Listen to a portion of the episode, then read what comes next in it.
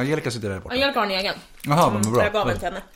Klokt, annars hade vi inte... Min spontana tanke var skit i Angelica.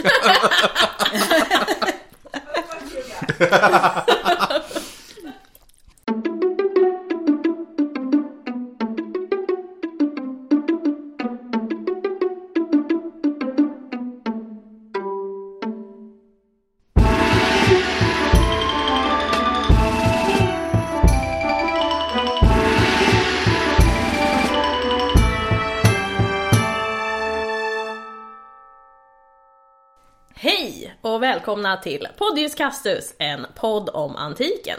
Vi som sitter här idag, det är jag, Emily. Jag Adam. Och jag Hanna. Idag ska vi prata om två historiska personer som eh, vi nog alltså, nästan lugnt kan säga är typ världens mest kända kärlekspar. Efter Romeo och Julia. Efter Romeo och Julia, som ett fake. Ja, jo precis, exakt. Ja. Alltså historiska Absolut, absolut. kärlekspar. Men de är ju också till stor del det mest kända eh, romantiska paret på grund av Shakespeare. Ja. Som också är fadern till Romeo och Julia. Så. That is true. Ja. Ja. Eh, de har, ja, de har avbildats i litteratur, teater, film, inspirerat andra kärlekshistorier, typ Romeo och Julia. Eh, och det är Kleopatra och Marcus Antonius. Kleopatra vet nog alla vem det är. Marcus Antonius är nog... Mm, kanske. ja, kanske, kanske. Han är, han är inget hushållsnamn som Kleopatra är. Nej, Nej. Men jag tänker liksom Mark Anthony. Ja. Jag tror att det är ändå ett namn inte som... J Lo's ex då, Exakt, utan... precis. Exakt. Nej, för det här är en liten äldre version. Ja. Ja. Och Kleopatra var ju då, hon var drottning av Egypten och Marcus Antonius var en av Roms främsta män. Och kan det inte vara så att han är mer utav ett hushållsnamn efter serien Rome, HBO-serien? Det tror jag. Säkert. Att där liksom, har man sett den, då har man ju koll på Ja. vem det är. Nej men visst. Eh, som de flesta kända kärlekssagor, påhittade eller verkliga, eh, så slutar det i tragedi. Annars hade de kanske inte varit så kända. De bästa kärlekshistorierna slutar i tragedi, gör Ja. de inte det? Ja, men det det Romeo och Julia, Bonnie and Clyde. Ja, men det Ja. är då det blir liksom en bra story. Ja. Ja. Men så här, och så lever de lyckliga i alla sina... Nej. äh, Boring. Nej. Ja. Nej. Ja. Det blir liksom ingen legendskapande Nej, kring det. inte alls. Nej. Funkar som barnfilm men inte så mycket annat. Nej men Nej. exakt. Verkligen. Men, och, och, och i och med då att de har avbildats i film och tv och eh, litteratur och allt det här, så har det ju bildats en viss idé om vilka de var. Lite mytologi runt om. Ja men verkligen så. Ganska Men, mycket mytologi Mm. runt omkring. ja men verkligen. Men jag tänker, och vi ska ju försöka liksom tränga oss under det här. Och liksom så här, vilka var människorna faktiskt bakom? Hur, vilka var de? Hur tänkte de? Var det bara kärlek? Eller vad var liksom anledningen till deras relation? Och nu kommer vi, vi kommer ju röra oss i tiden runt Julius Caesar eh, och slutet på republiken. Så om ni vill veta mer om det så lyssna på våra referensavsnitt eh, om dels Egypten och dels eh, vårt referensavsnitt del 2, eh, den romerska republiken. Och så kan man även lyssna på avsnittet vi har om Julius Caesar. För Ja. det är ju en, en hel del som kommer korrelera mellan dem. Just det. Men verkligen. Yes. Man måste inte göra det. Man får göra det om man vill. Ja men Ja. exakt, och om, om ni lyssnar på det här avsnittet och så bara men det där var ju lite, det vill jag veta mer om eller det där fattar jag inte helt liksom. We got you back. Exactly. Boom. Ska vi börja med Kleopatra eller? Kan vi göra? Sista härskaren i det ptolemeiska Egypten, den ptolemeiska dynastin. Som startade typ 300 år tidigare när Alexander den store dog och eh, Ptolemaios tog över Egypten. Yes. Ja. Hennes namn, ska vi Adam ta den eller? Han är ju Åh bra. oh, ja, Adams- Adams etymologihörna var länge sedan vi hade. Ja. Fast jag glömde bort jingeln. Jag tror inte vi kom fram till någon jingel någonsin. Du får väl en ny jingel varje gång. Jag tror det, någon sån där. Så... Adams etymologihörna. Dum, dum, bum, bum, dum, dum, dum, dum, bum. Adams etymologihörna. Där har vi den. Kleopatras namn då? Det kommer av grekiskans kleos som betyder ära och patros som betyder far. Och då slå ihop dem så blir det typ åt sin faders ära eller sin fars ära, lite så. Sin pappas ögonsten. Ja men lite. Ja. Hon var ju inte den första som hette Kleopatra. Nej. Nej. Inte alls. Nej, i den här familjen. Alexanders syster Kleopatra till exempel. Ja, bara en Precis, sån ja. Ja. Och i den här släkten så är man ganska duktiga på att döpa unga till samma sak om och om igen. Vi hade Ja. ju lite sån problematik i avsnittet om Arsinoe. Det, det, verkligen. Där alla Definitivt. heter det typ samma sak. Och jag höll på att bli galen för det var liksom, ja, ja. Och där, där numren också hamnade fel. Ja. Dessutom. Men sen romarna är ju likadana.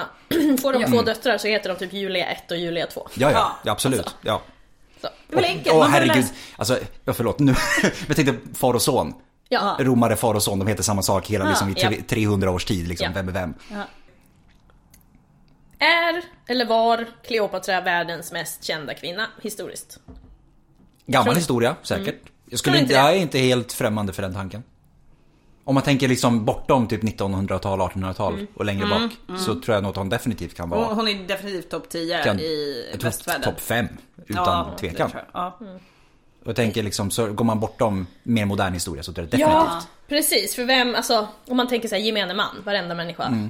Vem mer skulle man känna till? Alltså? Mm. Även om man inte vet någonting om henne så vet man alltså namnet. Man har hört namnet. Och det tror jag är för att hon, hon är en så populär figur att ha med i teatrar, i, alltså hon dyker upp i de här liksom, kultursvängarna för att hon har varit en sån attraktiv person att göra någonting med.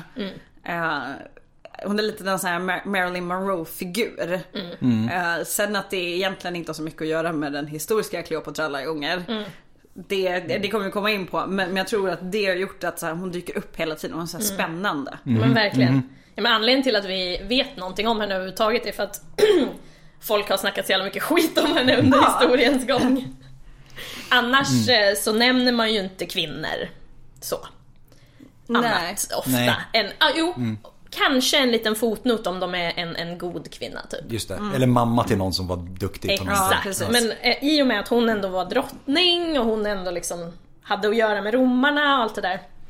Och inte var en eh, god kvinna enligt romarna då. Det är kanske det som är nyckeln. Att hon var precis motsatsen till vad romarna tyckte var bra. Men hon var extremt problematisk. Eller romarna tyckte att hon var motsatsen till Ja. exakt det som hon tyckte ja. var bra. För det här det är ju samma sak som andra kvinnor vi har tagit upp som Zenobia till exempel. Ja. Att man har jätteproblem med henne.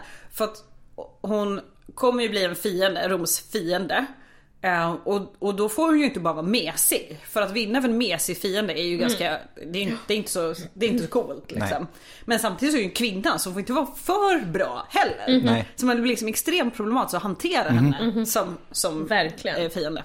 Verkligen. Och som med typ alla andra kvinnor under den här tiden så har vi ju inget från henne kvar. Inget väldigt, personligt. Nej, och väldigt lite från Egypten. Ja. Alltså, alltså egyptiska källor. Det Ja. mesta är ju den romerska historieskrivningen. Exakt. Alltså motståndarsidan. Exakt. Men det, men det var ju samma som med äh, Agrippina Neros mamma. Hon skrev jättemycket. Har vi något kvar? Nej, för det var inte viktigt att kopiera det. Nej. Så. Ehm, Så man får ju liksom, vi får ju förlita oss då på romerska källor, alltså fi, fi, fientliga källor, om man ska säga, skriftliga. Och sen har vi mynt. Eh, Där kan vi liksom ringa in både tidsålder och, och lite liknande hur hon avbildas och Just det. lite sånt. Eh, Och sen arkeologi då. Ja. Avbildningar och grejer. Avbildningar och grejer. Ja. Ska vi försöka börja från början då? Vi, vi brukar ju försöka göra det. Ja, det brukar vara lättast. Eh, Kleopatra föds ju år 69 före vår eh, tidräkning.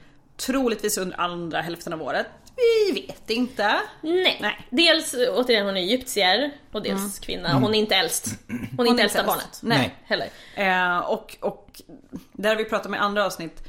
Efter, om, om man har lite koll på den här historien så, så slutar ju det här farodömet med henne. Hon är sista faraon.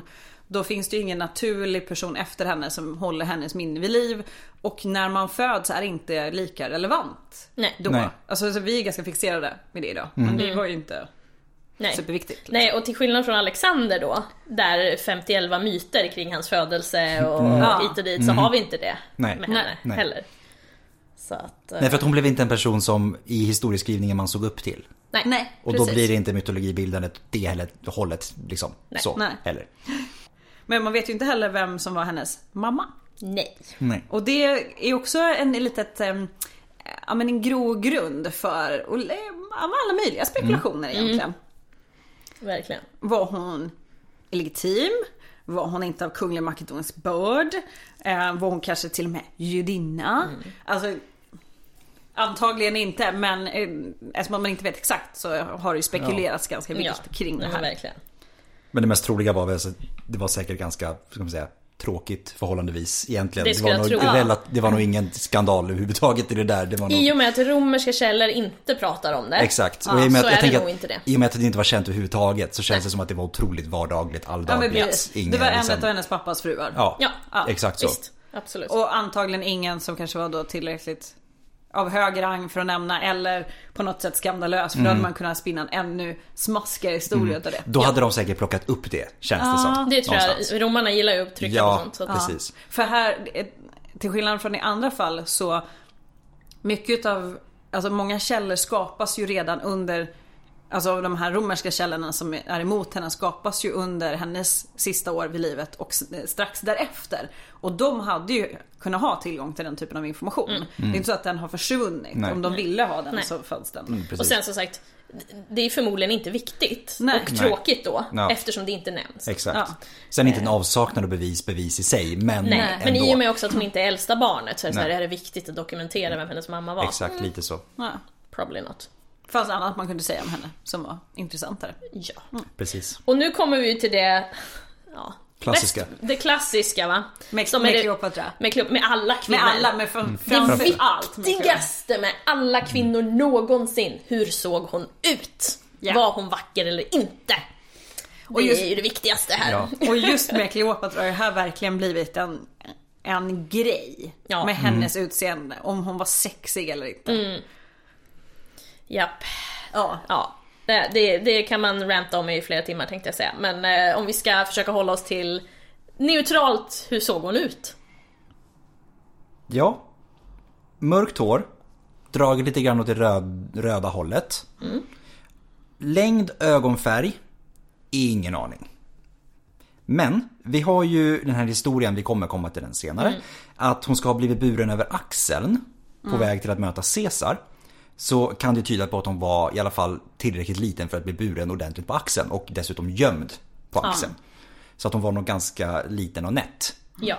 Och sen, eh, om vi kommer till eh, under antiken det här med att diskutera, jag vet inte om vi har gjort det förut med färger. Man ser inte på färg som vi gör idag under antiken.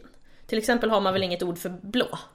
Visst är det så? Inte Homeros, jag tror att Homeros undviker väl det ordet. Eller det, är väl, alltså- det är väl det att han, han, också man typ beskriver färg efter dess egenskap snarare än hur den ser ut. Typ. För att Ja. det är den här klassiska, det som, jag tror det som föranleder den här diskussionen, blå-diskussionen, Mm. är väl att Homeros beskriver havet som typ vinrött eller något sånt där skummande. Alltså, och då är det ju det Mm. Var det inte skumman. grönt eller ja, det kanske är något sånt där. så? Jag vet inte, Men, ja. Och det är då typ att han ska syfta på vinet, det skummande vinet. Att det är det Ja, ja, han är ute efter snarare. Mm. Så att han liksom, det, det har med hur man skriver och hur man beskriver saker. Så man ser ju inte på färg liksom på det Nej, du skulle, viset. du skulle inte sagt typ den bruna dörren eller något sånt där. Nej. Du skulle sagt det på liksom, ja, den ek, ekdörr, alltså ja, men något ja, sånt där åt det hållet Ja. liksom snarare. Exakt. Så det kan ju också bidra till att man inte Mhm. alltså, har så mycket. Nej. Verkligen. Och sen så, om vi ska vara helt ärliga. Det är ju inte det är ju inte heller relevant. Blå ögon, gröna ögon, Nej. bruna ögon Nej, säger nej. ju egentligen ingenting om hur hennes utseende uppfattades Nej. i tiden. Och det är egentligen det Mm. man, när man pratar om om hon var sexig eller inte, är egentligen det man är ute efter. Mhm. Tyckte samtiden hon, att hon var sexig eller inte. Och det, det säger ju Plutarkos, han pratar ju om hennes utseende. Det var väl inte superspeciellt. Nej. Men hennes utstrålning ska ju ha varit helt fantastisk. Och att umgås med henne ska ha varit he- varit helt så här: wow. Ja. Att hon liksom, hur hon pratade, alltså för hon var ju väldigt utbildad och så här, att hon, hon hade väldig utstrålning, en fantastisk röst till det. Och liksom, och hela hennes väsen ska liksom ha varit väldigt inbjudande då och trevligt. Så att, ja, det var ju det verkar ju nästan som en fotnot liksom. Ah, Hon var väl inte skitsnygg men fan vilken härlig människa. Ungefär som att, ja. men precis det här männet också som kommer därefter ungefär som att det skulle göra all skillnad på något sätt. Men det, men det är ju lite intressant för de andra ehm, Andra kvinnor har man ju, alltså beskrivs ju i källorna som vackra. Men det, det blir ju liksom, till och med då säger man det är irrelevant för hon har karisman. Och hon då som, är, hon är ju någonting annat. Ja. I, i romarnas ögon. Hon, hon både är drottning, vilket är liksom någonting annat. En kvinna av den makten. Och så är hon så välutbildad så har hon sån karisma. Hon Hon är ju något som man inte brukar träffa på. Liksom. Nej. Nej. Och så är hon ju otroligt intelligent, beläst. Eh, hon, hon var nog en person som märktes i rummet. Tog för, tog för sig, tog, Tog plats. för sig. Ja, för, för, för det är också så här, hon är Egypt, eller hon, hon bor i, hon kommer från Egypten, kunglig börd. Hon är inte romare där man ska vara lite lagom nästan, Nej, utan nej. hallå, hon är kunglig, hon är fan gudinna. Exakt vad jag tänkte säga, hon är inte bara kunglig, hon är gudomlig. från Mm, precis. den kontexten hon Ja. kommer ifrån. Och att hon också inte bara tar för sig på, på ett dåligt sätt. Utan hon är ju, hon har ju talang. Och hon, hon för sig ju ändå. Så att det, det är ju ändå återkom, om man faktiskt läser de faktiska källorna. Så är det just det här att, att man pratar om karisman, hennes utstrålning, hennes intelligens. Och, in, och inte om hon hade fylliga läppar eller inte. Nej, nej men verkligen. Så att, ja, men så, så det är hon liksom. Och när hon föds då, då är Egypten, alltså det är inte awesome Nej. i Egypten. Nej det ska De man har liksom inte. haft sin storhetstid om man säger så. Eh, dels är pyramiderna 3000 år gamla redan. Eh, Ja, hjälp ja. Alltså, Herregud. Ehm. De var ju tusen år gamla redan på Ramses tid. Liksom. ja, så. Eh, och dels efter Alexander den stores tid och, och Ptolemaios den första och hela, alltså det har gått ut för Det är liksom. Så it's not great. Eh, och det här är ju makedonier som styr i Egypten. Så att de har ju distan, de har en distans till folket. Och då har de ju sugit ut folket lite på pengar och, och varor. Så att de är ju sådär nöjda liksom. Det är, inte, det är inte awesome. Nej. Ehm, och sen har man eh, det har alltså börjat redan typ 100 år tidigare.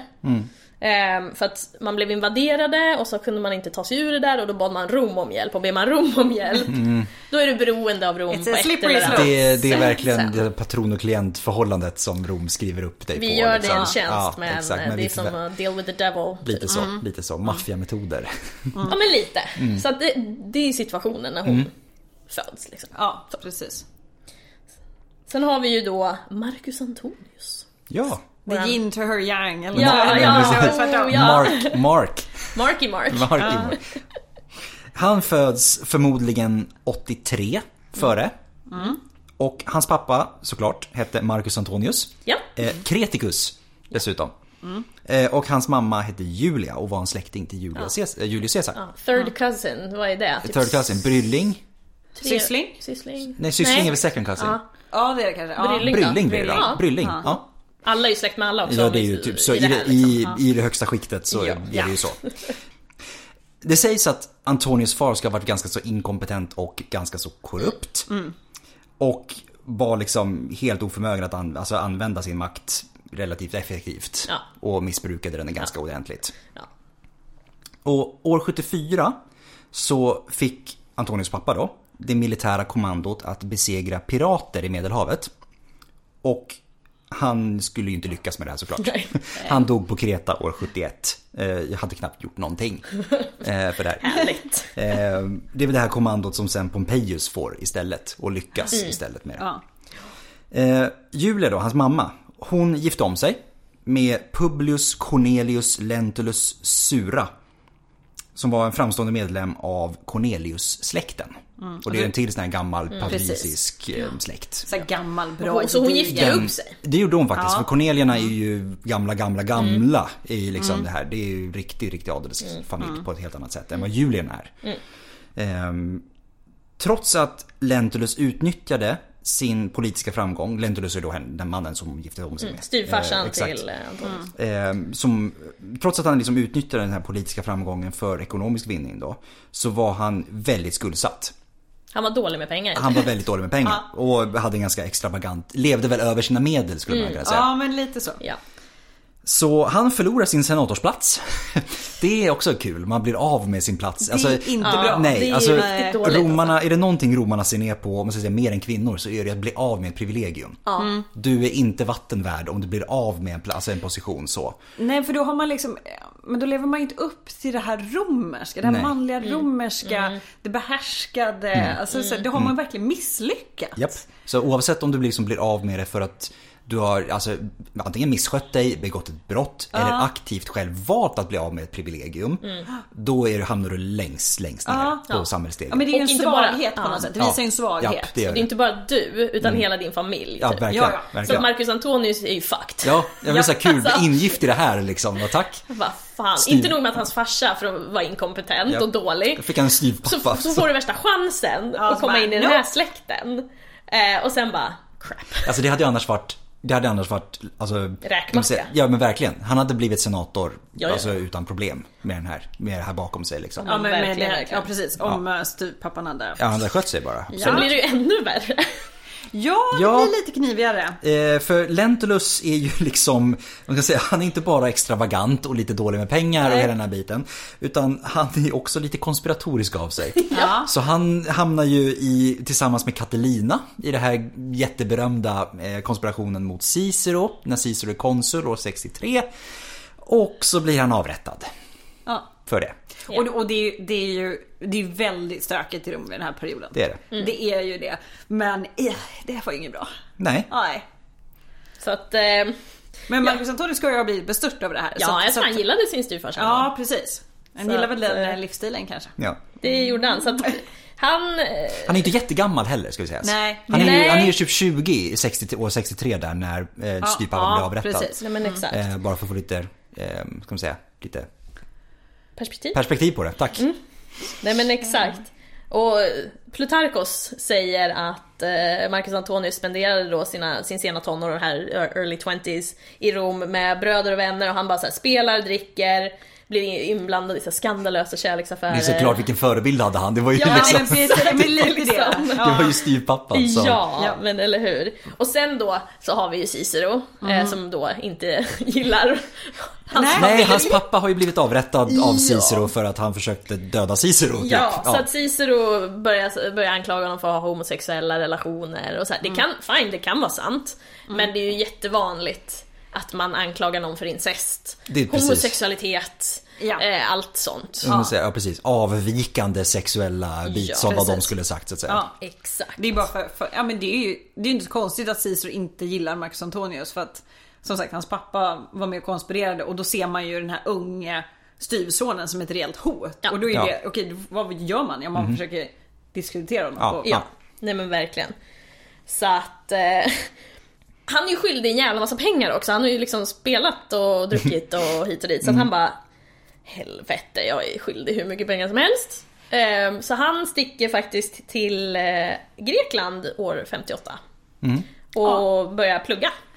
Jag ska bara åka och plugga lite. Ja, men han, han gör, han, Han gör ju han det, gör det ju ja. faktiskt också då. Filosofi, retorik. Ja. Ehm, och Grekland passar ju honom lite bättre ändå. Ja. Grekerna är ju lite mer så här levnadsglada än romarna. Lite mer manjana manjana. Ja, ja.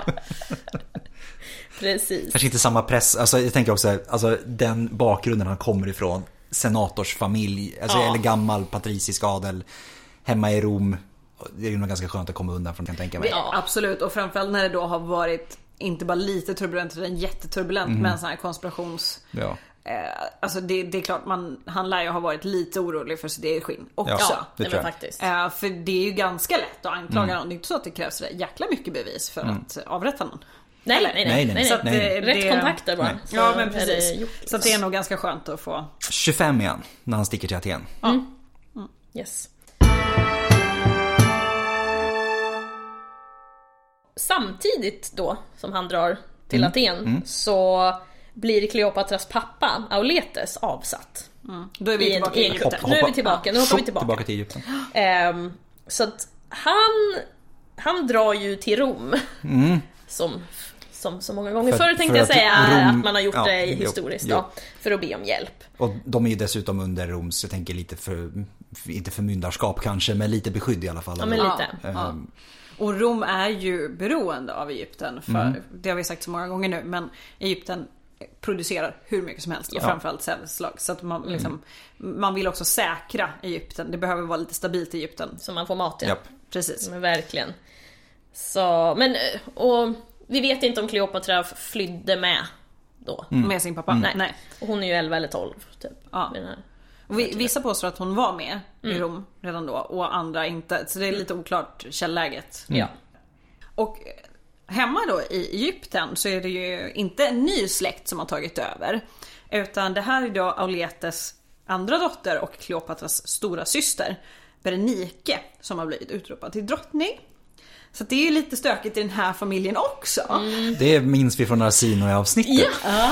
ja men det är det, släkterna är ganska stora och har olika intressen. Ja. Olika personer har olika intressen liksom. Och särskilt om du tänker makedoniska, och herregud Alexander-avsnitten vet Ja. vi det också från. Jag tänker att i den makedoniska världen så är det ju månggifte som gäller. Mm. Vilket betyder att det finns mång, potentiellt många barn Mhm. som kan ha intressen uppåt i, vär- eh, uppåt Mm. Vars i livet. föräldrar Exakt. har intresse, eller Det ja, också, det mammor också. då och Ja. kusiner. Och, Så att det är väldigt lätt att det blir väldigt stökigt. Ja och till det så är det ju hela liksom övre skiktet, alltså med prästerskap och sådär som ser att, ja men, den, ja, men vi stöttar den här kandidaten. Exakt. Och, och det är ju inte heller alltid självklart vem utav barnen som är näst i led att ärva makten. Mhm.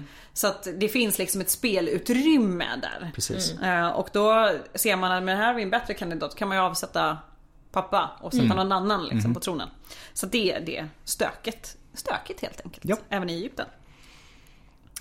Eh, Och Auletes pappan då, han åker till Antiochia år 56, så det f- två år liksom fram i tiden. Eh, Och ber ståthållaren i provinsen Syrien eh, om hjälp. Han, behö- alltså han behöver ju pengar, och, alltså han behöver ju stöttning för att kunna ta tillbaka makten. Romerska ståthållaren ska vi förtydliga kanske Ja. också bara. Ja precis, romerska För ståthållaren. han har varit i Rom, Mm. dragit på sig en herrans massa skulder och fått Ja. inte jättemycket hjälp in Nej. the end faktiskt. Nej. Så Nej. då drar vi till Syrien, Lite närmare hem liksom. lite närmare Ja. hem. Också romare som sagt Mm. då. Ehm, och det är lite känsligt för att man kan egentligen inte agera då som ståthållare utan senatens godkännande. Kan man inte. Mm. Exakt. Men, men tanken kanske är så att eftersom att det här är lite närmare hem så ligger det lite mer i deras intresse Ja, det gör det. att liksom lösa den här Ja, situationen. men det är ju det. Och sen mutar ja, han dem som fan. ja, Ja, ja, ja, ja, ja. ja. Han ger dem Ja, typ, såklart. ni får ett års typ förbrukning i pengar, alltså, eller så här, av, ja. av produktion. i Lovar, pengar. Alltså, lov, det är så klass, lovar pengar man inte har, Ja. men det säger att om jag bara får den här positionen tillbaka så kan jag ge Så kan det. jag leverera Ja, exakt. det här. Men vem finns i Syrien? Marcus Antonius. Woho! Han har hamnat där. Ja. Ja, På lite, ja, Lite villovägar. Han, har, han har varit och pluggat ett tag i Aten. Två år senare befinner han sig i Syrien. yes. Hos den romerska ståthållaren. ja. Och tjänar som hans kavalleriöverste. Och det, jag tror, pratade vi om det i antik del, eh, demokrati del 2. Att det här equito, alltså hästmästare typ eller något sånt där. Eh, det det finns vi. en position i det. Eh, som är ganska prestigefylld. Och det är den positionen som Marcus Antonius har. Eh, Ja. till, gentemot sin ståthållare då, i Syrien nu. För, för att klättra politiskt i Rom var ju ändå ett, ett ganska tydligt mönster man, man skulle följa. Och militären var definitivt en del utav det. Precis, så att Marcus Antonius är ju inne på liksom en, ja, han, han jobbar på sin karriär helt Han gör, gör, gör sitt Han bästa. har ändå lyckats Ja, liksom. ja, ja, precis. Bit på vägen. Och det är så här, han, han har lämnat Rom, nu försöker han börja om. För han, Ja, den här, det tog säkert stopp i Rom i och med skulder och hela Mm. den här biten. Och så tänker han, ja, men jag försöker någon annanstans istället. Ja. Verkligen. Och ja, de går ju med på det här. Mm. Det som Auletes vill. Eh, Rom, Syrien, ska säga, ståthållaren i Syrien hjälper honom. Mm, Och Marcus Antonius är ju med i allra högsta grad i den här hjälpinsatsen. Mm-hmm. Eh, Den speciella militära operationen som utförs. Ja. Ehm, och var liksom framgångsrik i den också. Ehm, han tar över Alexandria, erövrar Alexandria. Och avsätter Berenike som drottning. Vilket Hon blir ju avrättad av sin far då. Ja, såklart. Det kan man, Man behåller inte någon vid livet. Nej, alltså, nej, det- nej, det finns ingen sentimentalitet i Nej. det. Utan det Nej. eh, och efter tre år då i exil så kunde Auletes återvända hem. Kanske, kanske inte med Kleopatra. Precis. Som nu är äldsta barnet. Mm, 14 år gammal. Ja. Precis. Så, och Auletes han, han får ändå styra fyra år till innan han går ur tiden, så att Ja, säga. precis. Och då är ju Kleopatra 18. Just det. Eh, och under tiden då, så har hon, hon har ju studerat som fan. Ja. Och en av anledningarna vi vet det är ju att hon, hon omnämns ju av så många att hon är så kunnig. Och man vet att hon pratar väldigt, väldigt många språk. Och, och det gör man ju inte utan att plugga. Ptolemaios, den här släkten, har verkligen satsat på Alexandria. Alltså de, de har ju biblioteket i Alexandria, de har gjort det till liksom knutpunkten för filosofi, för lärande. Ja. Folk kommer dit och studerar. Så det finns ju väldigt mycket kunskap för henne att tillgå också. Verkligen. Hemma. Så att Ja. säga. Och det har varit lite utav en sån släkt som också har som sagt satsat på kulturen, satsat på Ja, liksom ja men det har man gjort. Det har varit ett av Ehm, deras trumfkort. Självklart i liksom rent politiskt syfte. Ja, mm, Eh, absolut. För att så att säga dra bort Aten från den positionen, Ja. konkurrera med Pergamon, konkurrera, Ja. alltså de här andra stora städerna. Ja, Eh, och det som- lyckas man ju med. Ja, det gör man. Det gör man ju verkligen. Och det, men någonting de har varit dåliga på, makedonierna, det är ju faktiskt språk. När de, alltså Ptolemajerna, när de har Ja. styrt. Det är ju, de har inte lärt sig egyptiska till Nej. exempel. Ja, det Lokal, blir- det- Lokalbefolkningens språk. Blivit två ordentliga skikt. Ja liksom. men precis, det är övre skiktet. Och så är det... Och så blir det överklassspråket och liksom de Ja, andras och, och, då, och då har de inte ens lärt sig makedonska. Nej, inte alls. Utan det är grekiska de snackar pratar. grek- precis. De pratar grekiska. Ja. Så att Kleopatra, hon... Och, Nej, för vi minns ju, förlåt, Ja. ja. men att, att makedoniska var ju troligtvis underklassspråk redan bort hemma i Makedonien. Ja. Just det. För att den makedoniska överklassen, vi tänker Philips hov och såna här saker, där pratar man grekiska. Ja, Så att där, redan där hade vi Exakt. skiktet. liksom. precis. Men hon, hon lär sig. Mm. Hon Ja. lär sig... Vi antar, klart hon kan grekiska. Det, Absolut. Ja, Ja. det, är- det är hennes första språk. Lingua franca i den här delen av världen också. Exakt. Ja. Så att, eh, och sen så, så är det, det är Plutarkos tror jag som skriver att hon kan prata med det var etiopier och judar och araber och syrier och, du, du, du, du, du, Ja. och egyptier. Så att hon lär sig då egyptiska. Hon är ju den första utav den här ptolemeiska släkten som lär sig det språket. Så att, eh, ja typ kanske upp till tio språk som hon kan ta sig fram på liksom. Det är helt sjukt. Det är smart att lära sig egyptiska.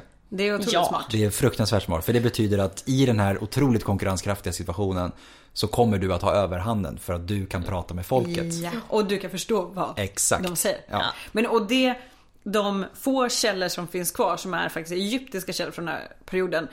Där är det ju inte alls den här negativa bilden av Kleopatra utan snarare tvärtom. Att det finns liksom bevis på att hon under svältår, nu är vi längre fram i tiden, men hon verkligen så här, ja, men ser till att det kommer ut mat till folket, att hon är ordentlig.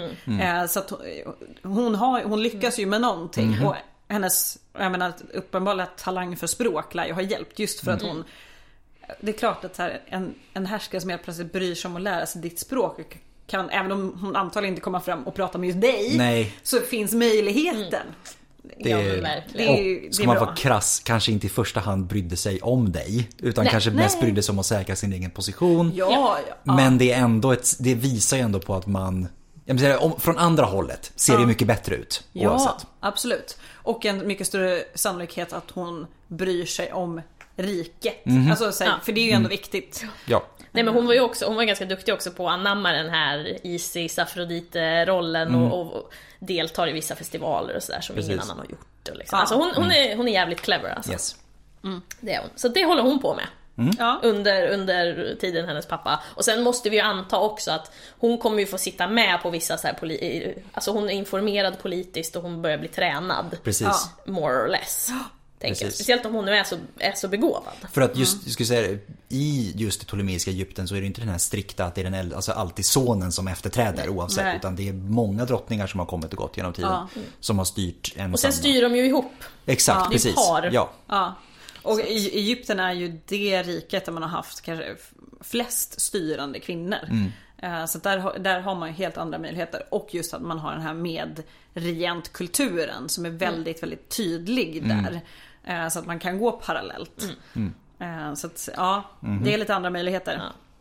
Marcus Antonius då, när han eh, har varit successful och hjälpt Auletes tillbaka på tronen. Han tänker inte åka hem till Rom. Nej. Dels är han ju skyldig folk pengar fortfarande och dels så har de ju agerat utanför senatens eh, godkännande. Och även, även om, om senaten kanske sa okej that's fine för att ni lyckades så är det så här, ah, jag vill inte riskera detta va? Nej, nej. nej. Det kan bli ehm, ganska hårda repressalier i dem. Alltså, det, det kan ju faktiskt bli, om inte annars blir han mördad för att han är skyldig någon pengar. Liksom. Ja. Till exempel så. Och, Knivhuggen i en gränd. Han har varit borta länge nu också. Ja. Det känns som att nej, det är inte, nej. Det är inte läge. Nej, inte Nej. komma hem nu. Så på något vänster, oklart, Mm. så dyker han helt plötsligt upp i Gallien med Caesar. Kontakter. Säkert. Definitivt Ja. Han är ju släkt med Caesar i och för sig Ja, också, sen vet men inte jag men... tänker också, han har ju, om man har känt under ståthållaren och såna här saker, Ja. det är klart. Det finns kontakter. Och sen om man också gör sig ett namn rent militärt så kan man ju bli förlåten ganska mycket. Om, Absolut. om man, liksom, man, man kan vinna, eh, ja, men, som Caesar som eh, får den här lager, eller segerkransen, som är ganska ung. Alltså det ger ju honom en superkändisstatus. Och det är väl kanske också den, de tankarna att man, är, man, man kan liksom vinna så mycket ära som då kan släta över massa annan skit man Ja. har gjort. Verkligen, Ja, verkligen. Eh, Så, man kan, så att det är lite, tänker jag, att det är lite det man är ute efter. För det är ju lite som med Caesar, för han har ju inte något cash egentligen. Nej. Heller. Nej, Han är ju helt självfinansierad i det här. Ja. Samlar in den själv. Egentligen. Eh. Lever på lånade pengar från Ex- Crassus och Ja allihopa. precis. Ja. Så att han bygger ju också det här runt omkring grejen. Mark, det, är inget, det är ingen hälsosam miljö för Marcus Antonius att hamna i. Det. Nej, det, det är inte Bara nej. massa människor som lever över sina medel överallt runt omkring honom. Ja, till skillnad från Caesar som ändå är ganska återhållsam med, med han var väldigt generös men återhållsam mot sig själv. Mhm. Liksom, som inte drack för mycket Mm. och sådär. Så har, verkar inte Marcus Antonius haft riktigt den... Han är livsnjutare nummer ett. Ja men alltså, han är livsnjutare, det är inget fel med det. Nej. Men, men eh, det kan ju bli lite problematiskt om man då inte har finansieringen Nej, för det. precis. Eh, för det är en sak att liksom kunna snacka till sig en massa pengar och så använda dem klokt och sen visa Ja. att man själv är återhållsam. En sån vågar man kanske låna ut pengar Mhm. till. Men någon som, som bara super bort det. Inte riktigt. Ja, Nej. Så nu befinner han sig i gallerkrigen. Ja, det kan Mitt, man göra. mitt smack i gallerkrigen under Caesar. Och det är en långdragen historia, det är ju nästan tio år som han härjar runt. Ja. Så Och- den tar vi inte just nu. Nej det gör vi Nej, inte. nej. Vi kan konstatera att det går fram och tillbaka och det är hårt och det är svårt och det är jobbigt och det är säkert inte jätteroligt hela tiden. Nej, nej. Ehm, oavsett vilken sida man står på. Så att Nej. säga. Mindre roligt för den ena sidan som förlorar såklart. Ja. Men det är nog inte jätteroligt på den andra sidan heller kan jag Nej. tänka. Jag tror inte det alltså. Men har ju kastats in i också det första triumviratet har han gjort, Marcus Antonius. Eller i alla fall konflikten den emellan. Och vi kanske bara snabbt måste dra vad det är. Ja. Om man inte har koll på det innan. För första triumviratet det är ju då alltså en, vad ska man säga, en tremannakoalition som bildas i Rom för att helt och hållet styra republiken. Egentligen. De delar liksom lite av makten mellan sig. Där Pompeius blir konsul direkt när de alltså bildar triumviratet. Caesar får ett kommando liksom i Gallien och Crassus finansierar, bet- betalar för alltihopa. Ja. Eh, som är, han brukar också för övrigt räknas till en, kanske den rikaste mannen i världshistorien. I vissa, listor, alltså vissa fall eh, brukar han kallas för det. Så det, det är väl en så här, Caesar och Pompejus som kanske är drivande och Exakt. Crassus är pengarna. Om vi nu ska verkligen... Crassus vill mycket men kan Han får inte så mycket. Nej, får Nej precis. mycket. liksom, han skämde ut sig med Spartacus-upproret och hela den här biten. Det, det är en jätterolig historia och det är finns jättemycket att säga om första triumviratet. Ja. Men vi ska Ja. nog inte grotta ner oss allt för mycket i Nej, det och nu det här är ju också lite så här på ett sätt en reaktion mot Sulla. Mm. Som ändå var, utropade sig själv till diktator och var lite sådär. Ja. Han lämnade ju tillbaka det till slut. Men det var ju när han typ var döende. Men, Mm. Men så, Så så, att- att, sammanfattningsvis så det Marcus Antonius hamnar i är ju upptakt till ännu ett inbördeskrig. Ja. Men, och, och det här, det är ju liksom ett gäng personer i eliten, oftast män, som håller på och försöker dela makten mellan sig och, all, och folket står där och bara? Det är Ja, ju Som, som Ja. scen, Ja, precis, det är scenrepubliken. Det är ja. scenrepubliken som håller på att gå åt Ja. eh, pipsvängen. För att Ja. romarriket existerar nu. Och då kan inte, då, det är som hela scenrepubliken är ju bara en historia om hur Rom försöker förhålla sig till sitt imperium. Ja, precis. ja. Ja. verkligen. Och sen är det så här, Pompejus han är så här gammal, gammal släkt, rik patriciesläkt och Mm. Caesar liksom lite så här folkets man. Ja. Jag vill gärna tro det i alla fall. Eller Ja, försöker, använder folket för att få som han vill. om Ja, ja, säger ja men exakt. Eh, och det blir ju ganska gungigt i den här, eh, tänkte säga treenigheten. Ja, exakt, lite så. Trekanten. Trekanten i alla fall. Eh, för, att, för att förstärka den relationen har man ju sett till då att man blir släkt med varandra. Eller i alla fall Caesar och Pompejus blir släkt Ja. med varandra genom att Pompejus gifter sig med Caesars dotter Julia. Men hon dör i barnsäng. Mm. Inte helt ovanligt för kvinnor, men hon gör det år 54. Eh, och det är ju inte jättebra för det är ju en av de starkaste grejer som knyter de här ihop när det börjar bli lite knivigt. Ehm, och Pompejus blir, ska ha sörjt henne väldigt mycket dessutom. Och sen ett år senare, då dör Crassus, alltså Ja. pengarna i det här. Exakt. Och då finns det ju inte så mycket som egentligen håller ihop Caesar och Pompejus. Nej, det är inget triumvirat Skiten längre. brakar Nej. ihop Ja. nu. Ja. Ja, det gör ju det. Och det här påverkar faktiskt Egypten. ja men när det är oroligt i Rom så är det ju så här: shit vad kommer hända Mhm. i Egypten? Ja. Och eh, Auletes, tillbaka i Egypten, han börjar bli gammal. Han närmar sig 60. Eh, det är liksom dags att börja tänka på... Ja, Ja eftersom det inte har någon naturlig efterträdare Nej. så är det så här: shit jag måste nog skriva ett testamente kanske. lite så. Ja. Vilket han gör. Ja. Eh, och där är det då Rom vill ha någonting att säga till om också. Ja, och han, han vill att Rom ska ha något att säga till om för att om Rom godkänner hans testamente eller säger ja, då kan inte barnen och släkterna sen go bananas. Det är ju det är en god tanke. Indeed it is. It doesn't work. Nej, Men, Nej. nej, det gör ju inte det. För att nu finns det så här, Kleopatra är äldst. ja. Så. Sen har hon en lilla syster. Mm. Och sen har hon två småbröder. Ja. Så att, så. Som alla har människor nära sig som Såklart. har ja. their own stuff.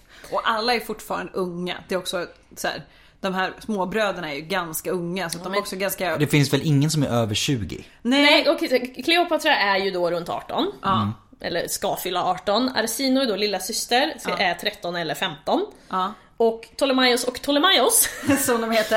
är 10 och 7.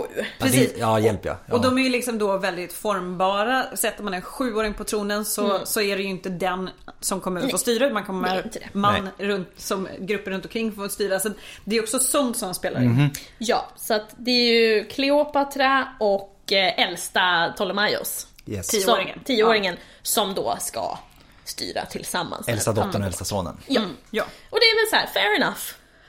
Ehm, och ja, han skickar en kopia till Rom och till Pompejus där, men där går det ju åt helvete så att det är liksom... Det, han har lite annat att tänka på. han har lite annat att tänka på så Ja. att, ehm, Ja. Men det finns ett Ja. testamente i Egypten också, originalet ligger precis. liksom där. Ja. Men Rom är, det, det är liksom, det är inbördeskrig och när det väl bryter ut då har Auletes redan gått ur tiden. Ja. Så det är Kleopatra som måste liksom... För han dör strax innan Caesar går över Rubicon. Ja. Eh, eller något år, något år, två Exakt. innan. För 51. Auletes, ja, precis, 51 dör han. Auletes dör 51 där, ja. Ja. Och då är det ju faktiskt Kleopatra som kliver fram. Eh, och då är hon, ja men det, som du sa, 18 år gammal. Eh, och det är ju den här ganska, kan inte varit en kul miljö att växa upp i på något sätt. Men, äh, äh, fy fan. Men ehm, hon är ju omgiven av folk som, de, de vill ha någonting av henne personligen eller har egna idéer.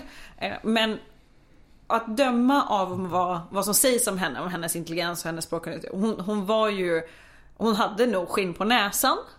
Eh, och hon hade ju antagligen utbildat sig ganska mycket och har nog man, man kan liksom, när man läser mellan raderna förstå att hon har ändå lite pejl på, på Hon har nog fått vara involverad, skulle jag tro. Ja, Det tror jag. och har nog fattat att hon behöver ha koll. Ja. Ja. Så att hon var nog inte, hon var nog ingen pushover.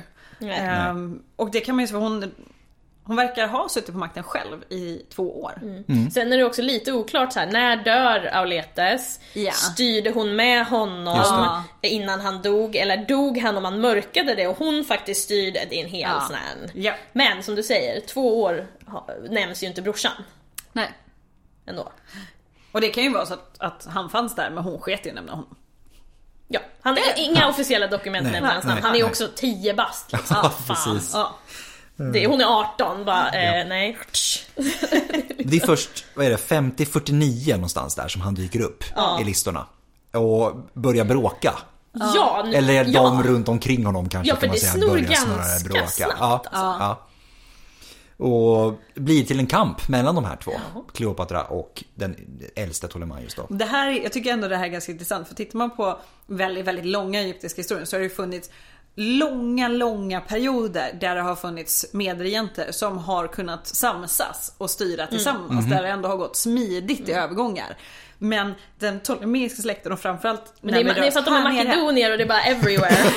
Nej men det är också så här, den, den privata miljön de har skapat måste ju ha varit så psykande att du kan inte lita på någon. Nej. För men annars har man ju oftast hållit det sådär att man, det är en, en far och en son som sitter på makten till exempel. Sådär. Då, då har man ett intresse av att det ska funka. Men med de här syskonen och som sagt deras pappa avrättade äldsta syrran. Och, ja, men, det kan ju inte ha varit en hälsosam miljö. Så att, Nej. Nej. Och som är bortskämd liten snorvalp som är liksom, har ett antal män runt sig som liksom bara hehehe. Ser sin chans att få Ja, lite ja, ja. makt och Och de, de inflytande. lyckas ju ganska, för det snor väldigt fort där. Ja. Mm. Så att, det, ja. Och det är också, det ligger någonting i luften det här året. För att Ja. det, är, det är 49 eh, är väl då Caesar går över Rubicon väl? Japp.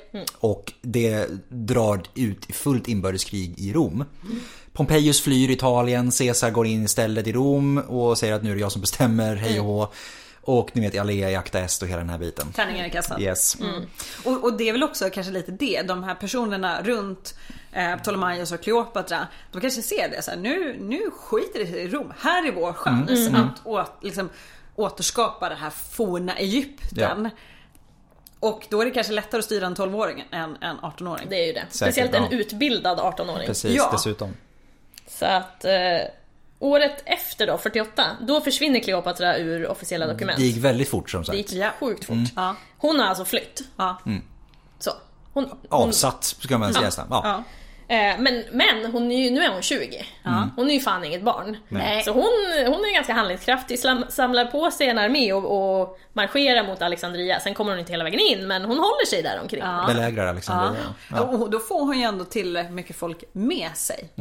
Eh, återigen, för det, Egypten har det funnits starka kvinnor som har suttit på makten men det tillhör ju fortfarande ovanligheterna. Det är ju liksom inte var och varannan farao som är kvinna. Så att bara det att hon får med sig så pass många som vill stötta henne.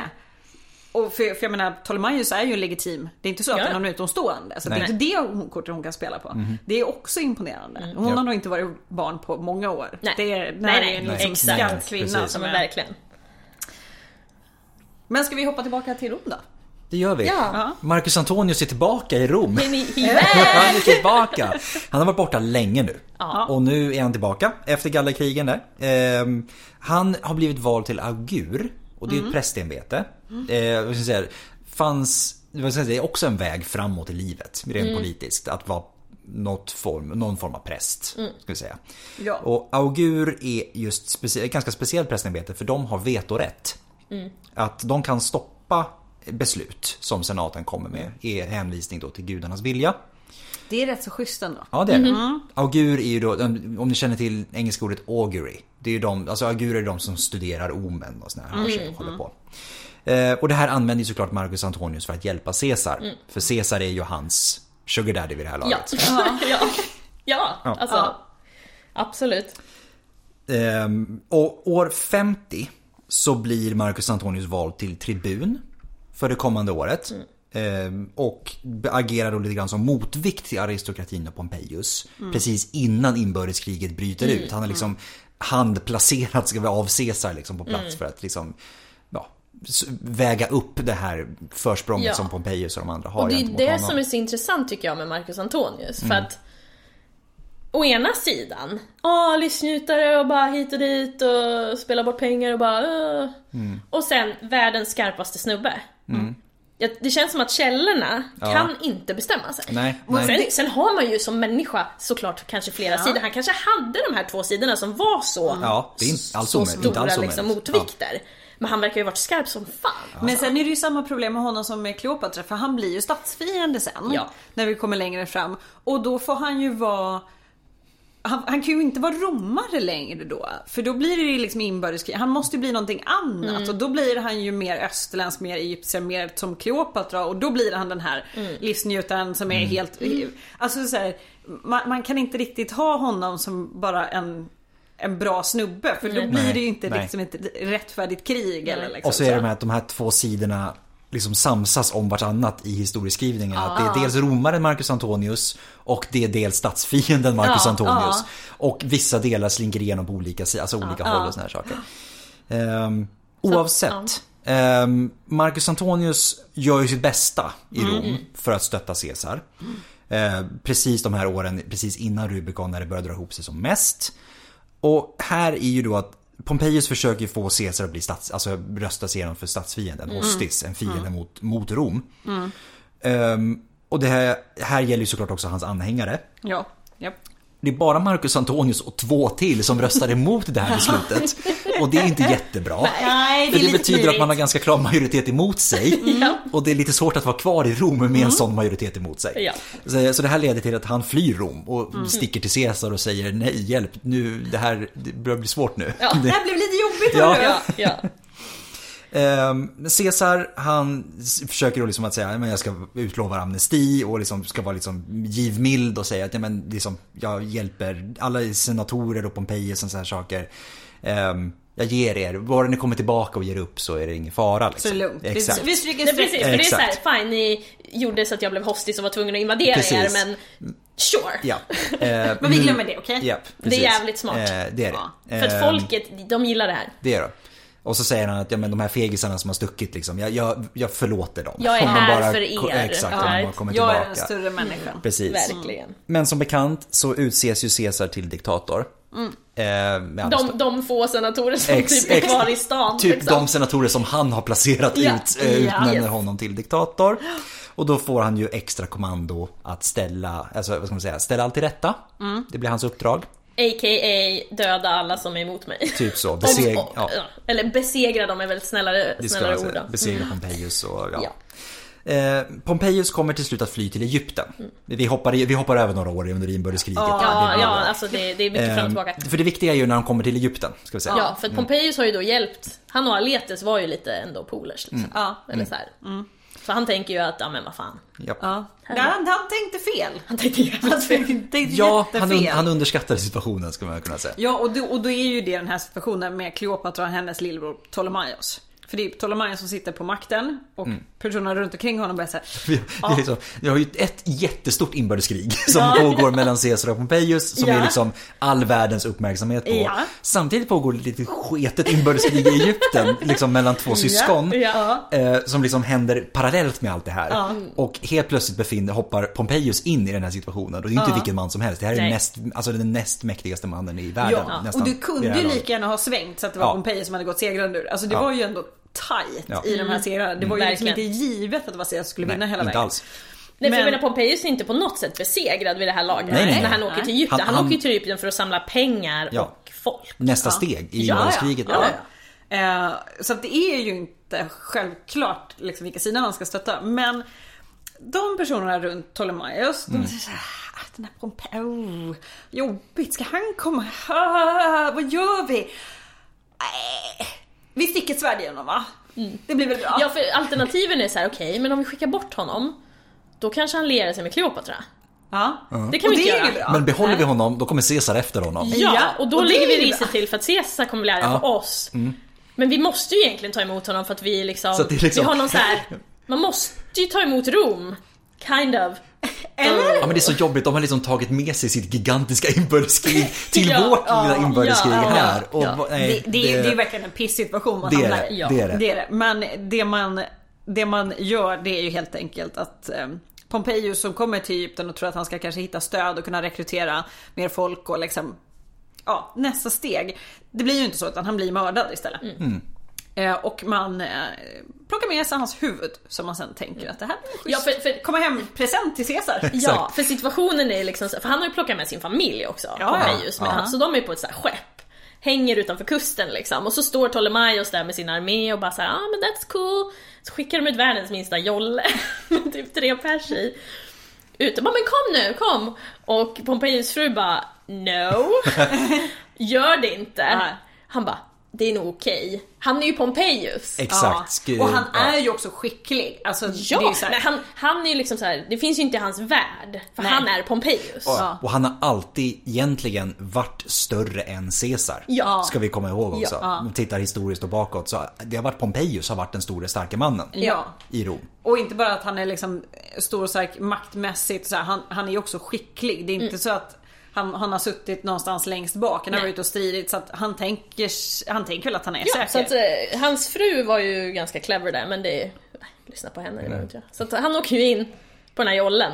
Så fort den nuddar alltså, går, går. Stranden, stranden. stranden och han ställer sig upp så bara joink, svärd i ryggen. Två svärd till, av med huvudet som Hanna sa. Och familjen bara, Vi drar nu. eh, bye. Told you so! Men nästan. Ja, precis. Motherfucker!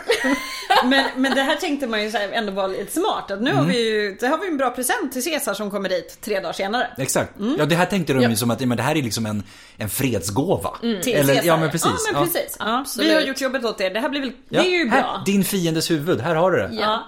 Det är ju inte riktigt så Caesar, Caesar, är. nej. De, de, de förstår ju inte hur romarna fungerar. Nej, Nej. de har ju missbedömt rom, Romarna, romerska det här. romarna är ju fruktansvärt konstiga. Ja. I det här. Alltså om man tänker liksom Ja. stort, om man Nej, men liksom verkligen. jämför med vad de är vana vid. Så är romarna... ja precis, för de dödar ju varandra typ på höger Ja, ja men höger och precis. Och tänker att ja, men här är min fiende, jättebra, du har dödat min fiende. Ja. Men romarna är otroligt märkliga för, alltså i det här Men det, men det är kontexten. lite så här. Du ska inte röra min lillebror, utom, den som får slå min lillebror är jag. Exakt. Ja. Men, men det är också tror jag, det är också Caesar som är så jävla smart i det här. Mm. För Pompejus har ju också stöd hemma i Rom. Ja, han har ju fortfarande absolut. ja. Och när Caesar då visar att han, för han blir ju upprörd, han blir Mm. arg och han blir ledsen. Han ska liksom gråtit vid åsynen av, av det här. Men det är också en liksom, död Pompejus. romare. Ja, men Roms just främste det. man. Att liksom. han sätter ju Rom, sitt folk, först Ja. i det läget. Inte sig som Nej, person. Och exakt. det är ju jävligt smart. Det är det, för då får han genast med sig de andra såklart. För att vad Ja. är det egentligen som har hänt? Jo, det är en främmande makt som har utövat rättvisa mot en romersk medborgare. Precis. Och, det, och, det, ja, och så det är klart att Caesar ska reagera på det Ja, här sättet. jo. Och han ser också till att eh, Pompejus kropp kommer tillbaka till hans fru Cornelia som då får begrava den. Mm, de sätt. är, jag tror jag askarna. Ja precis. Mm. Eh, så, att, Precis. så att det blir en, en värdig begravning. För att Ja. det här är ju jätte, jätteviktigt. Men gick ju inte precis som Ptolemaios Så han hade tänkt. Caesar piss. Så nu, Piss, så nu piss, fick de piss. Caesar på halsen också. Eh, ja. Ja. Och då, då blir Caesar ännu mer så här. okej jag kom efter Pompejus, men nu jävlar ska det bli ordning i Egypten. Mhm. Ja. Var är Auletes testamente? Mm. Nu, nu är det måttet rågat. Eh, Så han letar upp det där testamentet och bara, men hallå, du ska ju styra med din syster, var Mm. är hon? Vad håller du på med? Ja, Han kommer dit och så sitter Men jag bara kan tänka mig det, han kommer dit, eh, han är ändå veteran. Caesar Ja. är veteran på alla sätt och vis. Och så kommer dit och sitter det så här, en liten skitunge. Det Ja. måste ju vara någonstans så det, det Ja. går i Ja, hans men huvud. han hade väl Vad bara, fan. oh god. Alltså, ja, för jag menar, alltså Caesar är väl typ 52, 50-ish? Ja, i det här laget Ja, liksom. absolut. Så att, ehm, nej men och, och så, okej, jaha men var är din syster? Ah, ja, ni, ni ska komma till mig. Så fixar vi det här. Vilket Kleopatra såklart inte gör för då har de blivit mördad på fläcken. Eh, men de ska ha haft någon typ av så här korrespondens, hon och Caesar ändå. Så att hon, hon ser ju sin chans nu. Ja, ja men, och, och för hon har väl såklart fått reda på hur det var med eh, Pompejus. Absolut, och hon tror jag. fattar ju direkt Ja, ja. att så här, okej, lillebrorsan sumpar den här chansen. Han ligger på minus just Ja, nu. Ja, Ja. Mm. Jag kan ligga på plus. Så hon blir ju insmygd till Caesar. Eh, och då, det är den här klassiska hon ska varit inrullad i en matta. Mm. Men det finns ett Mythbusters avsnitt om det här. Ja, det gör det faktiskt. När man testar det. Ja. Ja. Och eh, nej, det var ingen matta. Nej, hon hade dött av värmeslag va? Var det inte det Ja, och sen så... eh, Det, det är en översättningsgrej. Det här Ja. var ju en säck. ja. Eh, Typ sängklädessäck. ja, Mm. sånt som man liksom förvarade, ja men sängkläder till. Ja. ehm, och så, så man kunde liksom stoppa bolster i och så när Mm. man var till skepp. Så det här, det är ju en, ja men eh, typ en stor säck. En tvättpåse. En, ja, en Ja. stor tvättpåse. Ja, Ja. men det är väl en ganska Ja. bra liksom, mental Ja. bild. Eh, som hon blir insmugglad i. Eh, Mm. Och som det är inte så att Caesar sitter där själv på kammaren. Utan det är liksom, Nej. han sitter i arbetsrum med sina kompisar. Liksom. Men det är typ så det har liksom, eh, Ja. och så kommer hon ut och så rullar ut helt här- sexig. Ja men ja och så sminkat helt ordnat bara. Okej, nja. Hon, hon är ju lite smartare än så tänker jag. Hon Ja, har ju nej, säkert ja. liksom... Hon måste ju vara så här. Okej, jag måste se drottninglik ut fast ändå så här pitiful. Mm, ja, typ. Och det, och det är lite här tror jag den här, eller det här blir så roligt att göra smaskig historia av Kleopatra. Ja. Både att de ska, att de ska smugglas ut in i en matta Mm. med det här översättningsfelet då, som rullades ut och ut kliver liksom den här supersexiga unga Ja, tjejen ja. som förför honom. Nu, Caesar var bra på att ligga runt.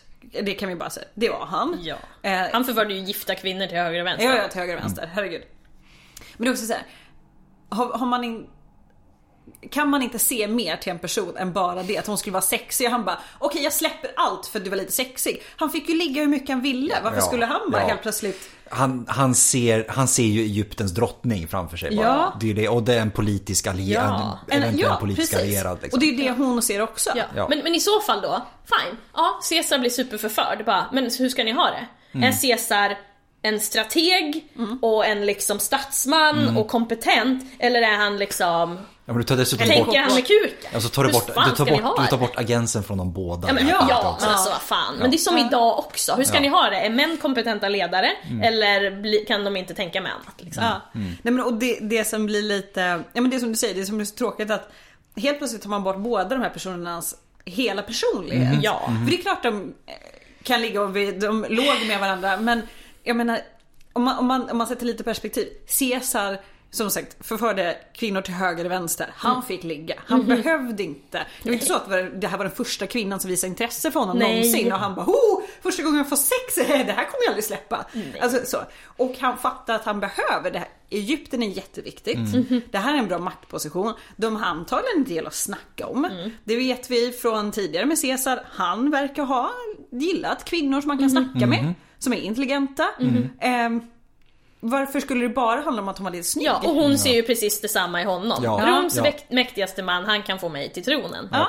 Done! Ja, Och det är en jättebra ehm, allians. Det är ju det. Det är Det är det. smart. utan problem. Det är liksom, ja. Nej, så att, ja, jag blir bara trött. Ja, vi kan konstatera Ja, det i alla fall oavsett. Absolut. Ja. Yes. Men det går att göra en smaskig historia av det, Ja, det och det klart. har blivit det. Men- Så är det. Ja. Mm. Caesar då, han förkunnar nu i enlighet med Auletes testamente Mm. att Ptolemaios och Kleopatra ska dela på makten. Ja. Varpå Ptolemaios flippar. Alltså for real. Ja, alltså på riktigt bokstavligen. Han liksom, vad ska, han ska slängt sin krona på marken, Han spring- han skrikit skriker, och sprungit aha. runt i rummet. Han Och, springer ut ur rummet Ja, på så, gatan ja. till och med tydligen och bara eh, Kleopatra har förrått mig och så ska han ha kastat sin krona som ju- ett barn. ja, men det här, Han är ju ett han är ju ett barn, han är ett barn. Han är ett barn och han är ett barn som aldrig har fått höra ett nej i hela sitt liv. Liksom. Nej. Så han har ju ett Eh, temper tantrum. Och, och han, alltså jag kan ju gott tänka mig att de runt omkring honom har säkert inte berättat för honom vad som egentligen händer. Alltså de berättar ju för honom vad de vill att han ska veta. Mm. Ja. Och så helt plötsligt så bara kommer någon snubbe och alltså det måste ju vara så här, hela hans värld typ Ja, men en samman. gubbe kommer och bestämmer vad Ja, fan, ja, precis. och har tagit mitt slott. Exakt, vem fan är du? Ja. liksom, ja. Jävla gubbe. ja. Eh, Och det här leder ju fram till det så kallade Alexandrinska kriget. Ja. Och... För det är inte bara Ptolemaios som är i leken nu. Nej! Nej men för Caesar, han delar ju faktiskt ut lite landområden till eh, både Arsinoe och andra Ptolemaios också. Och Mm. ja. det är också lite iffy för att du kan inte bara dela ut så här romersk mark till folk. Liksom. Det är väl Rhodos tror jag han Ja. ger till Arsinoe. Det är sådär.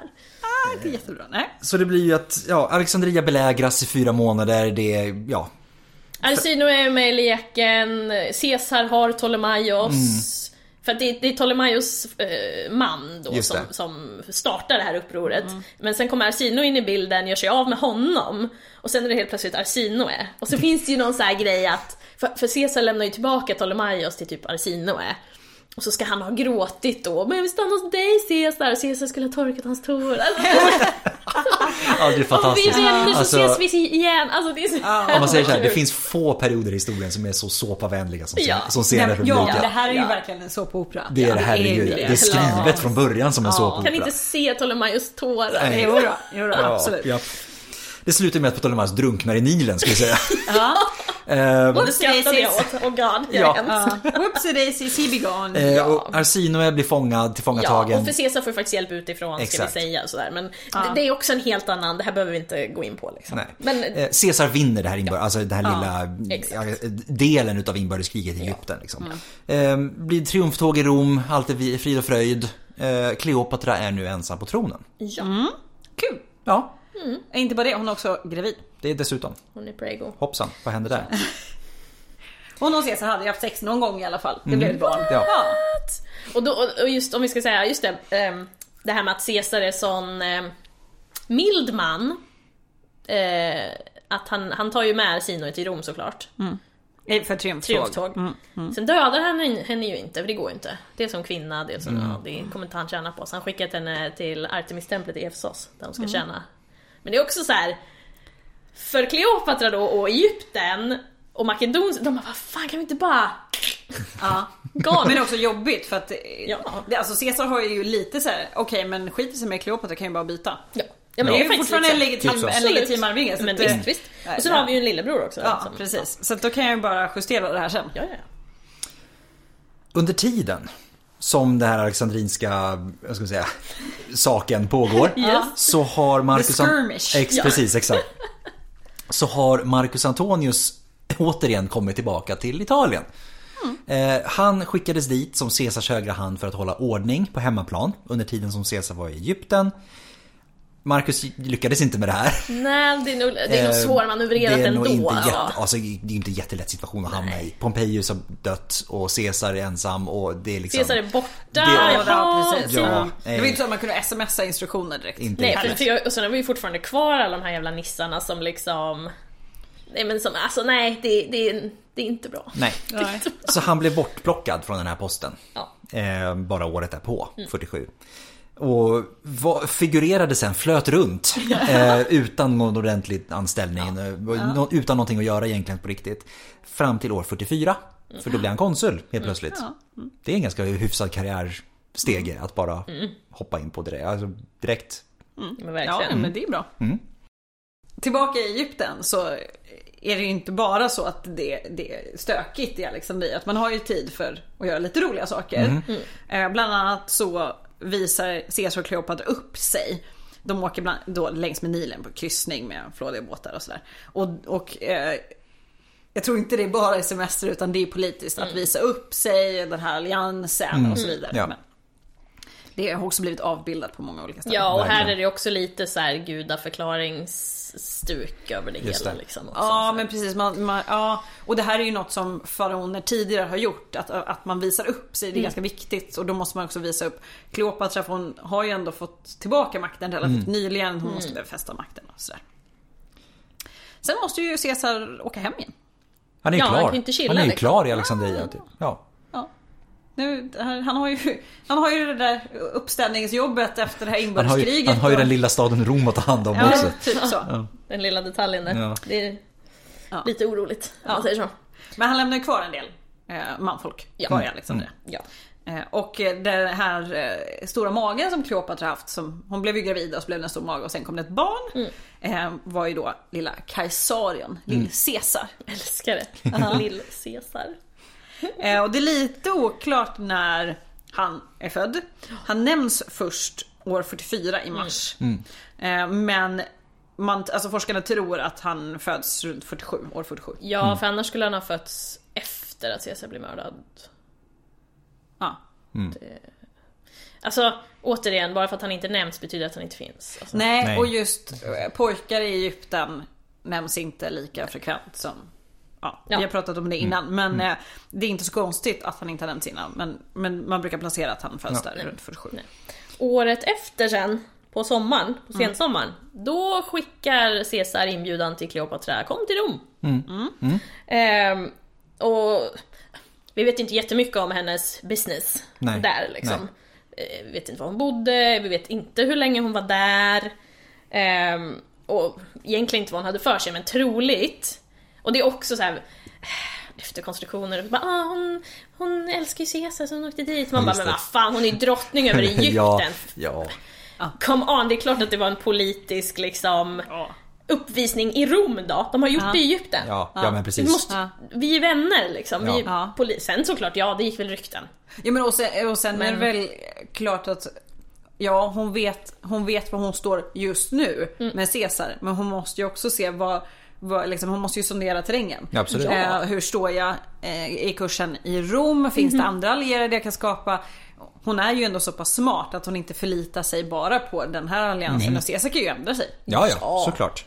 Men verkligen, men som sagt, Såklart. hon var ju där i politisk bemärkelse. Och sen Ja. finns det ju liksom... Och, och just det, vid den här tiden så har hon ju också blivit gift med sin andra lillebror. Ja. Ja, just det. Den andra Ptolemaios. Ja, som... Ja.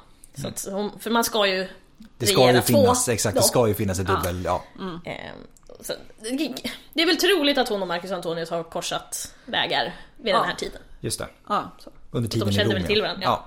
ja de rör sig i samma liksom Han är ju. Caesars man, även om precis. han inte har något officiellt eh, jobb så... Antingen, säkert polare liksom. jag tänkte säga, antingen är det här första gången de träffas nu eller så har de träffats redan tidigare. Jag tänkte dels när Marcus Antonius hjälpte hennes pappa. Mm. Ja. Eh, länge, När för hon, länge, var, länge, länge när sedan. hon nu. var 11-12 var Exakt, det va? precis. Ehm, annars så är det ju nu Ja. Som de kanske träffas ordentligt. Men exakt. Ehm, och sen så återigen, vi vet inte hur länge hon var där och så vissa bara ah men hon var där i två år. Man bara mm, Lämnar Egypten i två år bara för att det hänga i är Rom. inte troligt. För att Nej. man vet ehm, att hon var där när Caesar blev mördad. Ja, Ja. Men det är också så här, ja vad är det som har hindrat att hon har åkt fram och tillbaka? typ Nej. så. Typ så. För jag tror att hade hon lämnat Egypten typ precis efter det här, hela den här liksom Ja. grejen med sin lill, andra lillebror och hela den här. Det tror jag inte. Nej. Nej, Bara- det känns lite för, för risky. Jag liksom tror det. lämna... Bara, ja. Äh, hade hon redan suttit vid makten i så här 15 år och det var stabilt? Ja, kanske. Men det är ju inte stabilt. Nej. Det är ju inte det. Nej. Eh, Hon är ju att, inte dum. Så att... nej. Det är väl troligt att hon var där en stund och sen kommer tillbaka då januari, februari 44. Mm, ja, Ja, för det är 44 i mars. exakt. Mm, precis. precis. Exakt. Så att, eh, ja. Och i början av februari, det kan, det kan och för sig vara i samband med det då. Ja. För i början av februari så blir ju Caesar utropad till diktator på livstid. Och det... Eller tills vidare i alla fall. Ja, tills vidare. Ja. Underförstått på. Un- Ja, underförstått typ på så, livstid. Typ så, så länge det behövdes. Så, Ja, ja, typ. Till, ja. så att, och nu, det är nu också folk som vill bevara republiken börjar liksom, mm, mutter, mutter, vi kunde väl acceptera tio år men Mörda Caesarklubben är på gång nu. ja, precis. Det första ja, de, årsmötet. Precis, de är på G. Jag älskar också hur de hade planer till liksom en... Vi har planer till att vi mördar honom och sen så bara shit, behövde vi mannar och pengar också? Ja. Anyway. Marcus Antonius gör ju, här, jag men- säga, Marcus Antonius gör inte saken bättre i det här läget. Nej. Fast å andra sidan så var... Det här kommer ju... För folket älskar det ju. Ja men såklart, såklart, Ja. såklart. Så det är ju, de har ju säkert konspirerat tillsammans. Säkert. Ja. Men det kanske Caesar underskattade sina fiender då. Ja, det, det, Det ska man ju säga. Det, jag tror, absolut. absolut. Jag tror, för det, jag ska säga, det vi, det vi pratar om är att under en, en eh, religiös festival i mitten av februari så försöker Marcus Antonius sätta ett kungligt diadem på Caesars huvud. Eh, men Caesar vägrar ta emot det.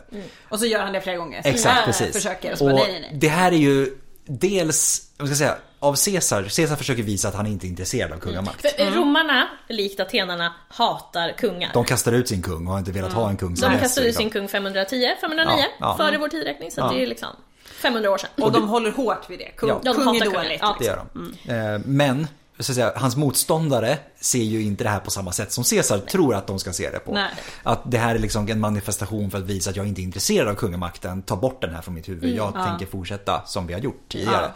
Men de ser, oj titta, Caesar håller, det är liksom, det är ett diadem vid Caesars huvud. Det, titta Och där. han är utropats diktator ja, tills precis, vidare. exakt, precis. Och, och det är väl också att, att det här ändå uppskattas av publiken, alltså av, av gemene man. Gör väl kanske de motståndarna ganska rädda. Säkert. Skulle Ja, han han vilja är ha makten kommer Ja. han få den. Alltså Han det, är- det, ja Nej, han är superpoppis bland Ja. folket, Caesar.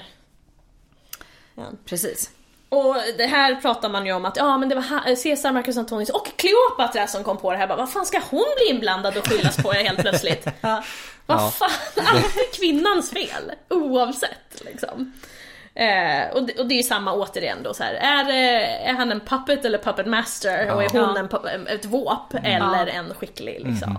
Så att ja, till och med det här kunde man då skylla på Kleopatra. Det, Alltså, ja. det, det känns ju, även om hon skulle ha kommit med en idé så känns det ju så ganska osannolikt att han bara, ja du som inte har jättestor koll på vår romerska kultur. Nej. Ja, men det är nog bra. Alltså, Ja. Exakt. Han är- Du får bestämma Ja, nu. Ja. han är ju ändå, han, han har ju uppenbarligen underskattat sina fiender. Oh ja. Men han har ju ändå manövrerat hela Alltså från det att han är i typ 10-årsåldern så har han manövrerat sig fram. Eh, på ett väldigt skickligt sätt. Han har haft Mm. tur också såklart. Men eh, Ja, nej det är nog snarare att han, han underskattar. Han tänker att det här ska ses på ett visst sätt Mm. Ja. och så uppfattas det inte. Ja. Och, ja. Så fanns det många som ville ha bort honom. Så han blir mördad. Ja. 15 mars 44. Japp. Klassiskt datum. Ja. Japp. Eh, och vi har ju då Brutus och Cassius, de kända, Ja. eh, bakom sammans- sammansvärjningen mot honom. Du, min Brutus. Exakt så. Ja. Eh, Cassius blir lite bortglömd i det där. Det är Brutus som får ta allt. Han får ta all skit. Ja, ja. Verkligen. Men det är väl också för att eh, Brutus har redan hållit på Ja. innan. Och Caesar har förlåtit honom. Mm. Det är ju det som är. Sen är ju Caesar ihop med hans morsa, så att det är en helt annan story där. Men, men just att Brutus har redan varit ett litet svin och Caesar ändå så här, nej men jag tar dig i min famn typ Ja. och det är förlåtet. Och sen går han och mördar honom. Ja. Och också, mycket av det här som, som finns kvar hos oss idag är ju från Shakespeares pjäser. Ja. Absolut. Eh, Som är jätte, jättebra, Mhm. men Ja. det är pjäser. Det är skönlitteratur. Ja, ja. Ja. ja men precis, han ska ju Åh, även du min Brutus bara sure. Du blir stabbed 44 times typ. Mm. Ja. Åh! Ja men det är lite så här. Caesars pjäs är inspirerad av verkliga händelser. Precis, Ja, exakt. Inte, inte ens baserad på, inspirerad av. Ja, Ja. exakt. Eh, jätte, jättebra pjäser Ja. men, men inte en historiekälla. Nej. En historiekälla. Där problematiserar de antika källorna mycket mer. Ja, absolut. Än vad, vi tänker absolut. särskilt det här med du min Brutus och hela den här Ja. Det är, eh, är det Plutarkos det kommer ifrån tror jag.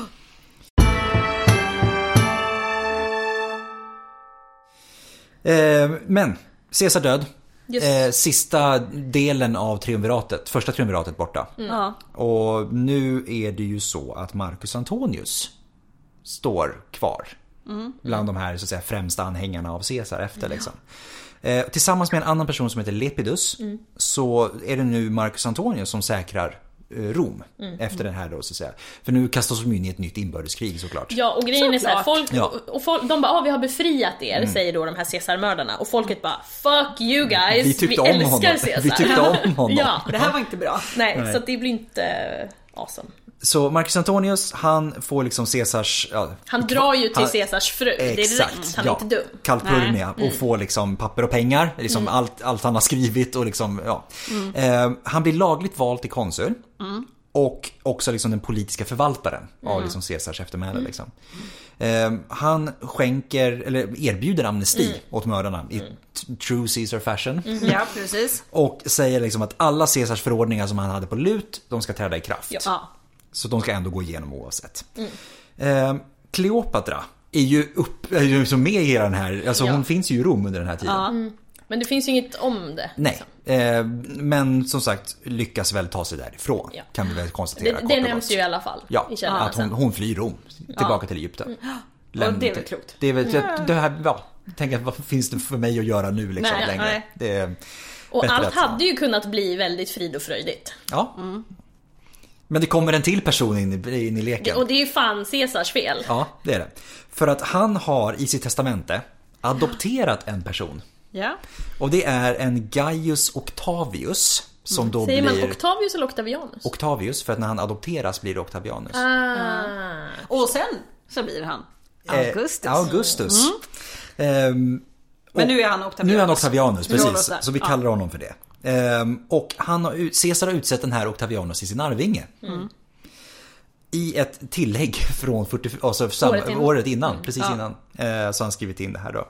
Och det här är ju otroligt ovanligt och ganska utanför praxis. Att han bara smugit, smugit in en adoption i sitt testamente. Men det går. Det gick. Men det är, ju, alltså, det är så intressant, varför? Ja, och det här är en 18-åring som nu helt plötsligt bara Och han är upp. ganska sjuklig Och- och, han ja, är precis. liksom inte något speciellt Nej, den här han inte, killen. fram, inte varit framstående på något Nej. sätt innan. Eh, Utan han har bara dykt upp nu lite grann. Och han är en fullblodspsykopat. jag säga, som, Caesar nu Ja. enablar och kastar Ja. in i... Ja, ja, ja, ja. Men, men jag menar så här, ur en makt, makt synvinkel så, så lyckas ju Octavianus. Absolut. Eh, som sagt fullblodspsykopat. Men Men det är ju, det är, ju, men det är så intressant alltså.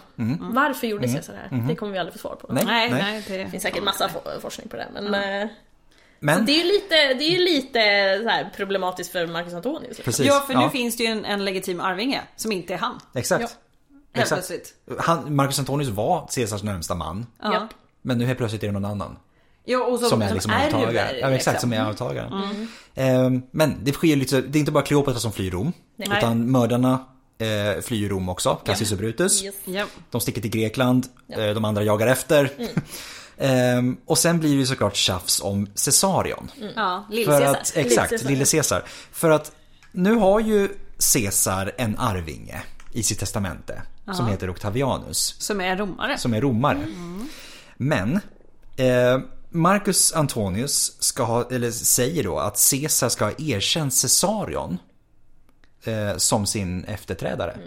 Eller Nu, som har- sina... nu har vi som bara, bara en så här, nu har vi sagt både Kaisarion och Caesarion, det funkar. Ja just det, ja, precis. Alltså det, det, är det, så att Det inte son. folk blir förvirrade. Det är samma person. Det är samma person. Ja. Ja, precis. Eh, för Caesar heter ju Kajsar om man ska gå Ja, efter så latinska. att det är antingen precis. Kaisarion eller Caesarion. det, det spelar ingen roll. Eh, andra håller inte med Marcus Antonius om det här. Nej. Eh, säger att nej, Caesar har inte alls sagt det här. Mm. Eh, Marcus Antonius påstår att Caesarion är Caesars ordentliga Det är väl, riktiga det är väl ganska troligt Ja. skulle jag, Ja. säga. Eh, Men, men för många så känns väl Octavianus som ett säkrare kort. Både Mm. det att han har överlevt de här tidiga barndomsåren. Mm. eh, Men också att han är romare. Framförallt det. Det är framförallt Eh, ja. det Ja. tror jag. För den här lilla pojken. Han är ju framförallt sin mammas son. Mm. Ja, tror jag. I väldigt många ögon. Ja. Jo, det är han. Det är ju inte en romare. Nej, nej men verkligen. Så att, eh, ja. Men, åh, Kleopatra hon är ju 25 nu. Ja. Så hon är ju hon är ju Hon- vuxen hon- vuxen. Ja, liksom. precis. Vuxen, Hon, vi, vuxen. vi, Ja, vi, vuxen, vi, vuxen. vi, hon är ju inte gammal i våra... Nej. Alltså vi skulle inte kalla henne gammal på något Nej, sätt. nej, nej, det är, hon är ju fortfarande ung, jätteung. Ja. Lillebrorsan är över 14. Och jag menar, sure. Hon förlorade Caesar och var ledsamt. Men det är, hon är ju mer pissed att det är en politisk allians som har gått Ja. om. Och plötsligt ett nytt inbördeskrig i Det Rom liksom. Ja, och, liksom. och eh, jag menar, säg att han hade dött fyra år senare och verkligen offentligt tillkännagett den här Caesarion som son. Då hade det ju Ja. varit ett annat läge. Ja. Ja. Men, men hon sitter ju i ett knivigt läge för att det blir ju en hot, direkt hotbild mot henne genom det här barnet också. Ja, men Japp. verkligen. Men... Eh, några månader senare, år 44, Mm. på sommaren där. Så försvinner lillebror. Lillebror Ptolemaios ja. Lillebror Ptolemaios ur... eh, Han, han, man pratar inte om honom mer. Nej. Så att eh, hon har nog gjort processen kort. Det var det så här att Caesar förespråkade väl att upprätthålla Aulet- Auletes testamente. De skulle dubbelregera. Ja. Nu är Caesar borta. ja. Behöver Och hon- Kleopatra har en son. Ja, precis. Hon behöver inte sin bror längre. Nej. Nej. Så att... Eh, Hon kan ju lika gärna ha sin son som medregent så varför? exakt. Exakt. Så att, ja. Men... Eh, Ja, hon, hon fokuserar väl på Egypten. Hon bara, de får väl ha sitt inbördeskrig där borta. Vi Ja. får väl se, vi får ta den smällen när det kommer. Typ så. Men det går inte jättebra. För att det året, eller 44-43, så blev det ingen översvämning Från Nilen nej. Nilen. Och då går det ju riktigt Mm. illa. Så då blir det missväxt och hungersnöd. Och ja, då kommer farsoten. Som, Som på, som ett brev på... posten. Ja. Ja. Ehm, så att hon måste ju ransonera. Och eh, vi sa ju innan att hon var så duktig och tog hand om sin befolkning. Mm. Eh, Sen inte- tycker hon ju inte alla är sin Nej, befolkning. alla är ju inte befolkningen. Nej. För judarna är inte hennes befolkning, tycker hon. Nej. Så de får ju svälta, för de är inte medborgare. Nej, Eh, Eller medborgare, All- hennes all- befolkning. ja, precis. Så att de är ju, hatar ju henne. Med rätta. Ja. Ja, ja.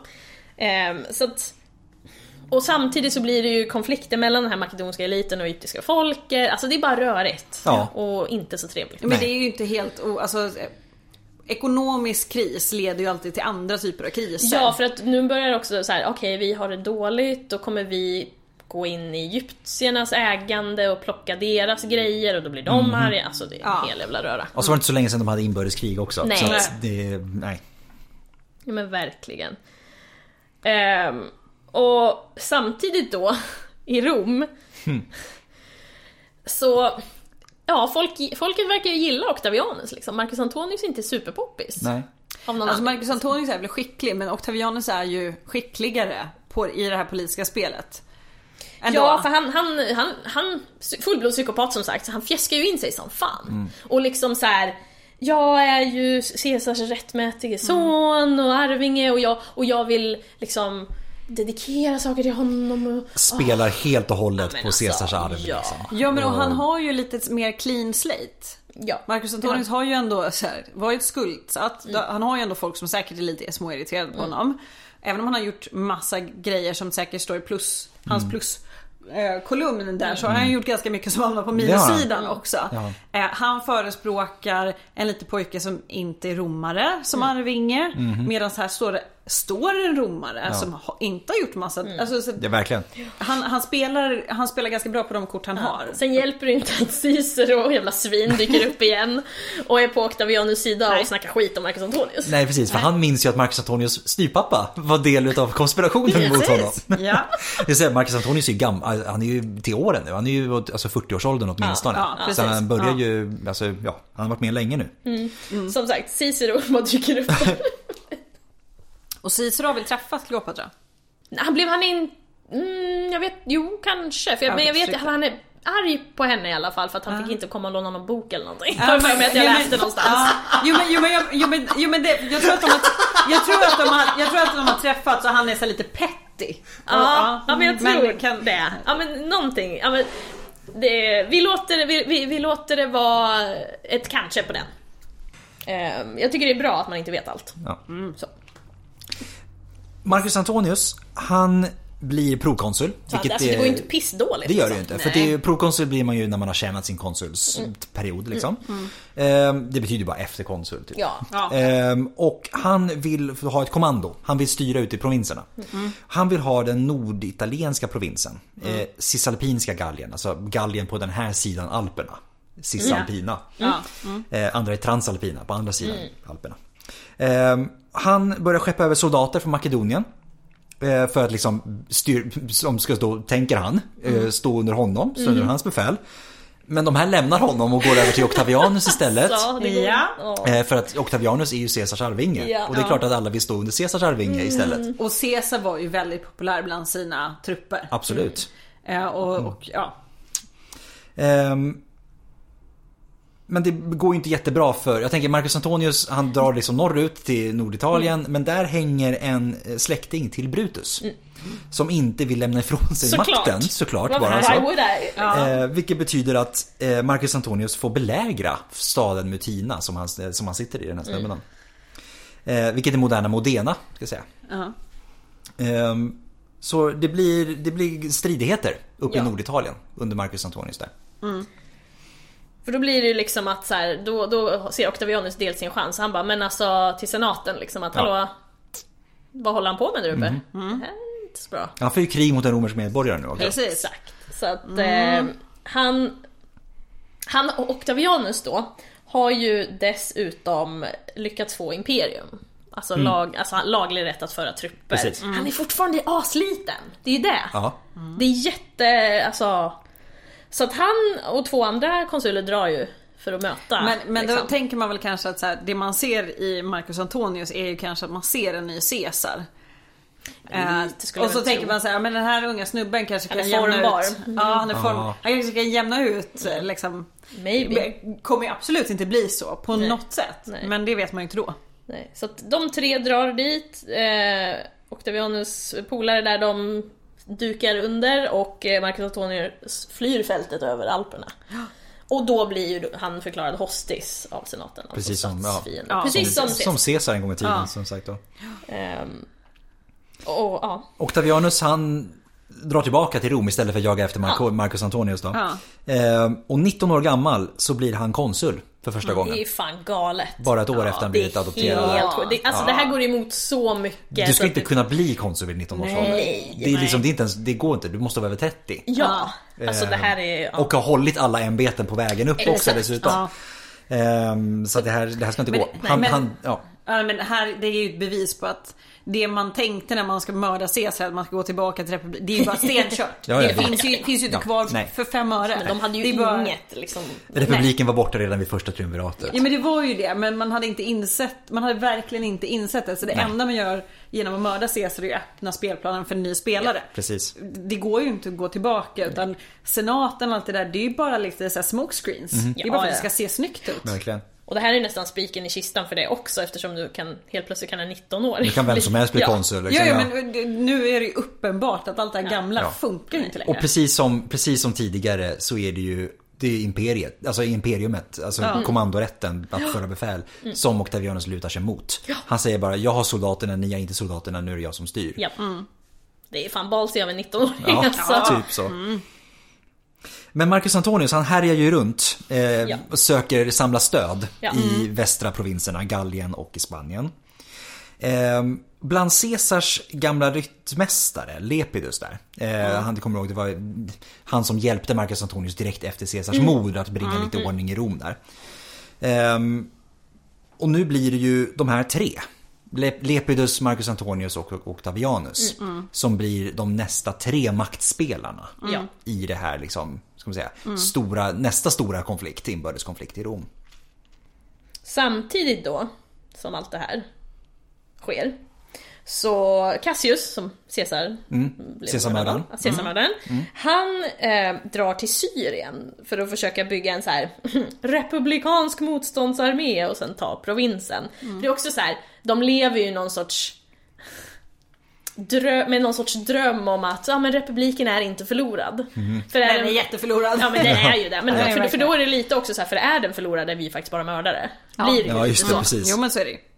Ehm, han förföljs av en snubbe som heter Dolabella som har valts ut att eh, ta över Syrien och Caesars krig mot parterna.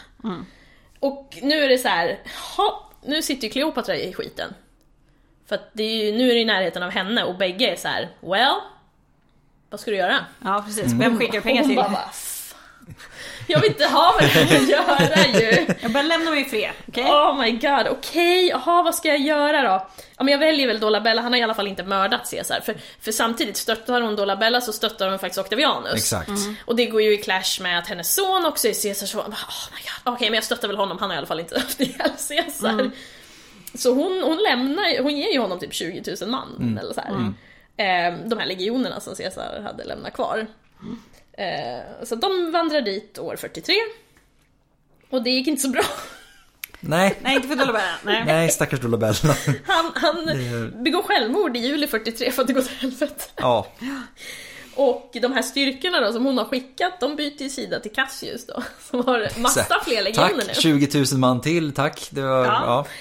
Ehm, och, och dessutom, i tillägg till allt det här, så går det rykten om att Arsinoe har utropats till drottning.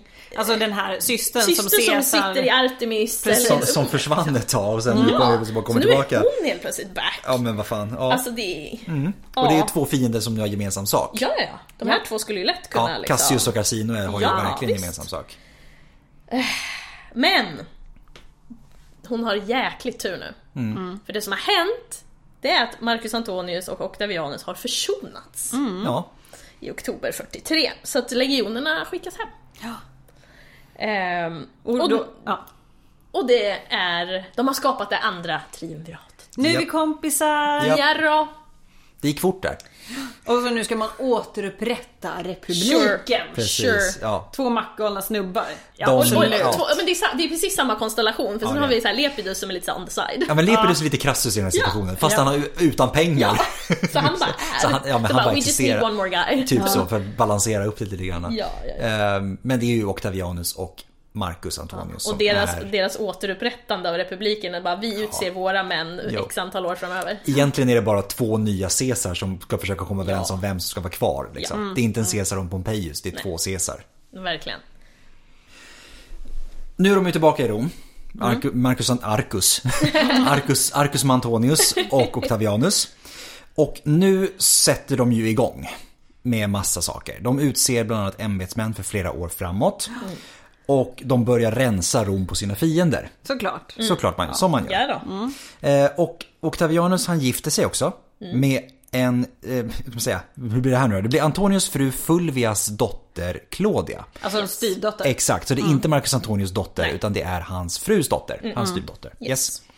Eh, och vi minns ju att Cicero hade inte så mycket till övers för Marcus Antonius. Nej.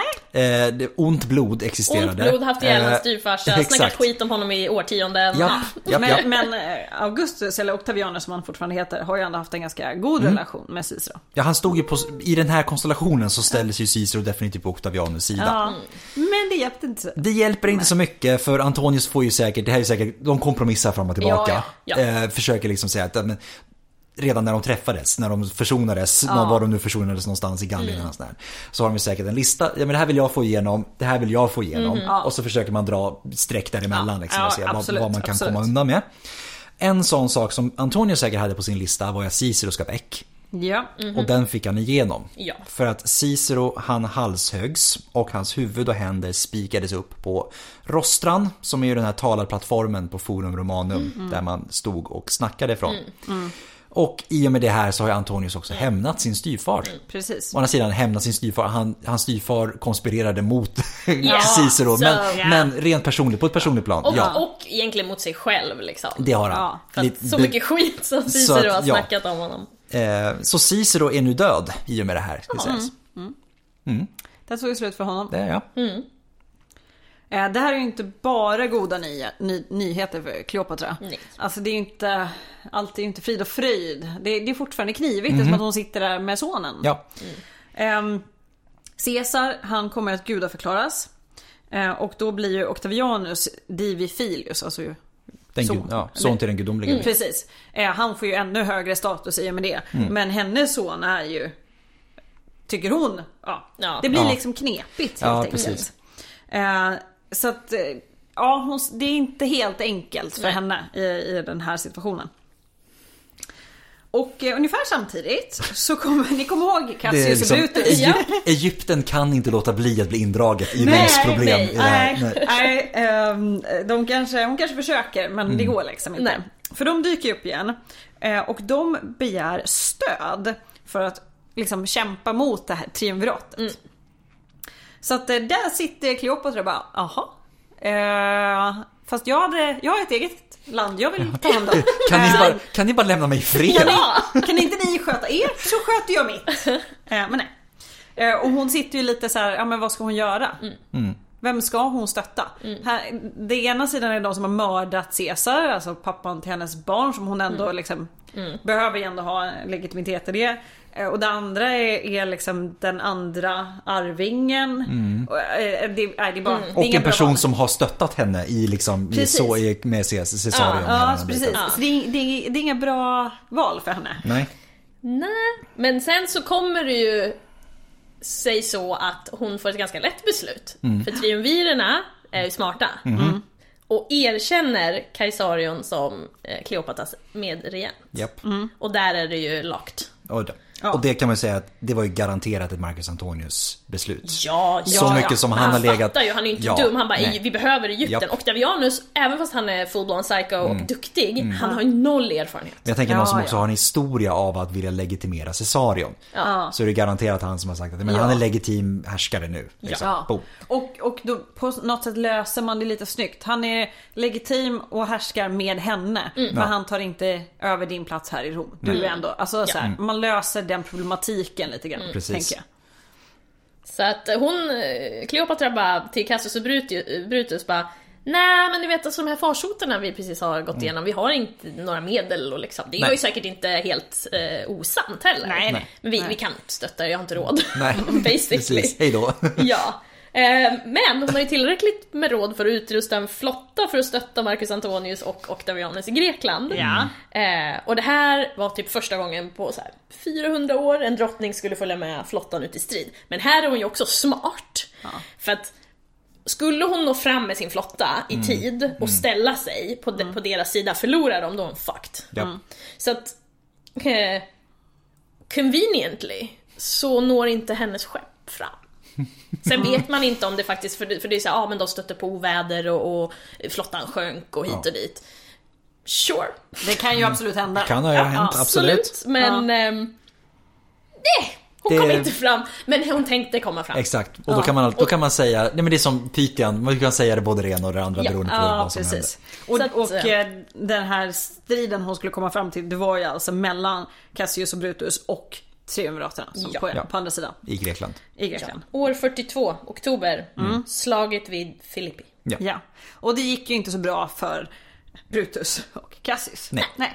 Och istället för att, eh, de vet ju vad som händer med fiender av Rom. Så att de eh, bestämmer sig för att ta sina egna liv. Japp. Eh, och det är ju lite, det är bara att göra för Det romare. är det.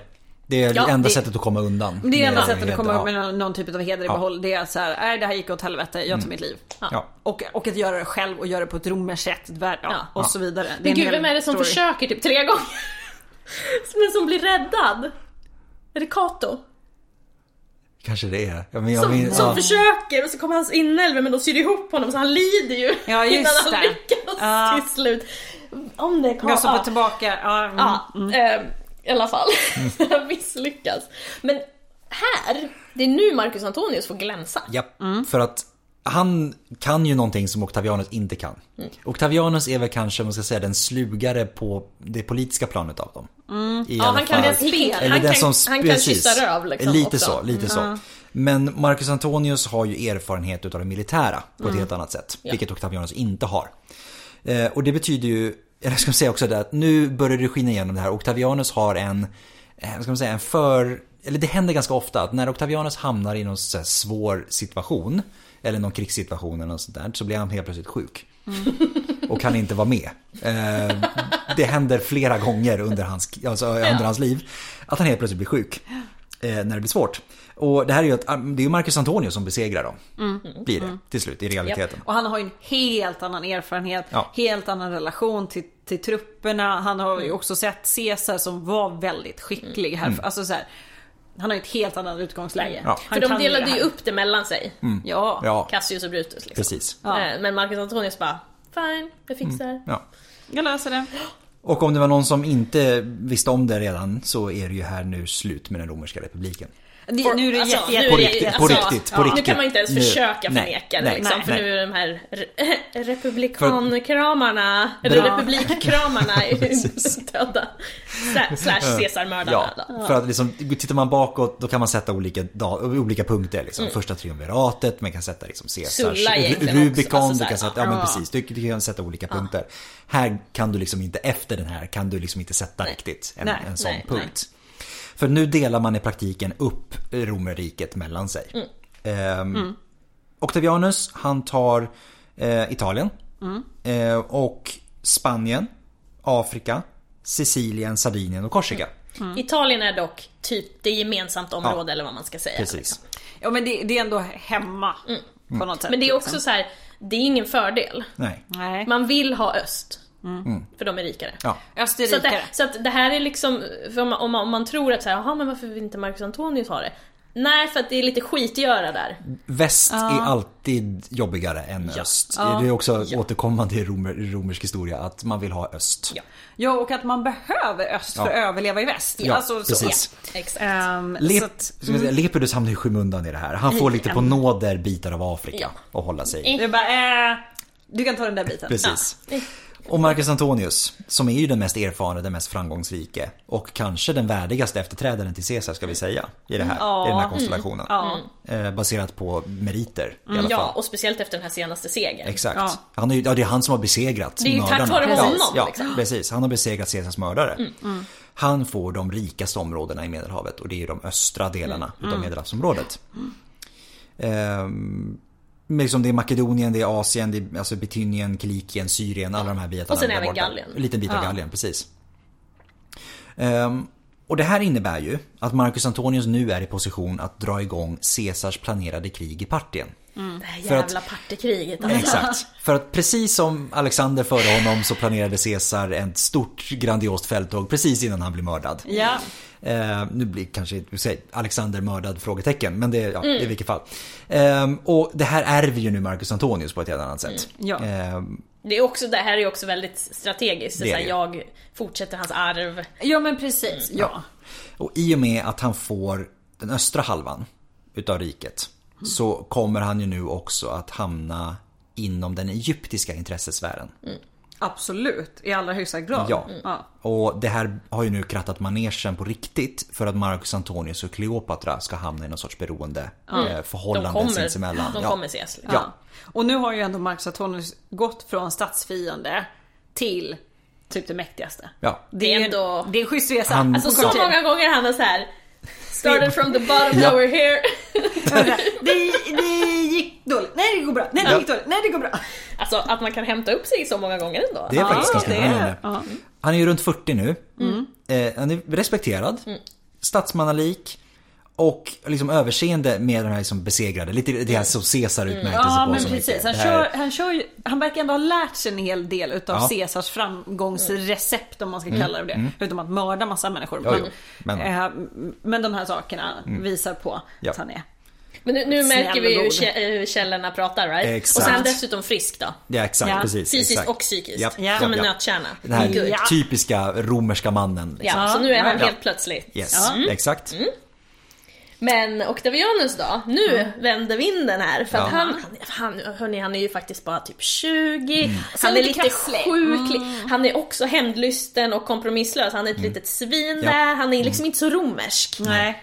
Eh, han kastade ju faktiskt Brutus huvud framför Caesars staty i Rom. Alltså, Inte alls som Caesar gjorde med Nej. Pompejus Nej, men och lät eller honom få en värdig begravning. Nej. och- Japp, japp, japp. Så att... Eh, nej. Så Marcus Antonius är så här!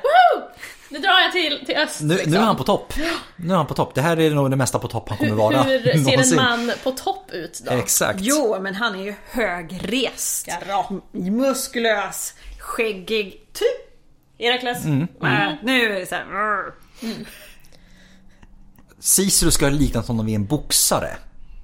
Det är ju liksom, mindre- Det är, också Det är mindre mindre, positivt. Men det, men det förstärker ju ändå här att han ska ha varit högrest och muskulös Exakt, då. precis. Ja, precis. Eh, Men också slaktare. Slaktare är fint också. Liksom, ja. här, Det är inte heller så okej. fint kanske att jämföras med. kan jag tänka mig. nej. Och sen, men sen, sen kommer vi till det här, bra ledarskap, han delar de vanliga soldaternas strapatser och Det- han kan liksom kliva kunde- in i olika roller, Han kunde supa med dem. Ja, typ Ja. så.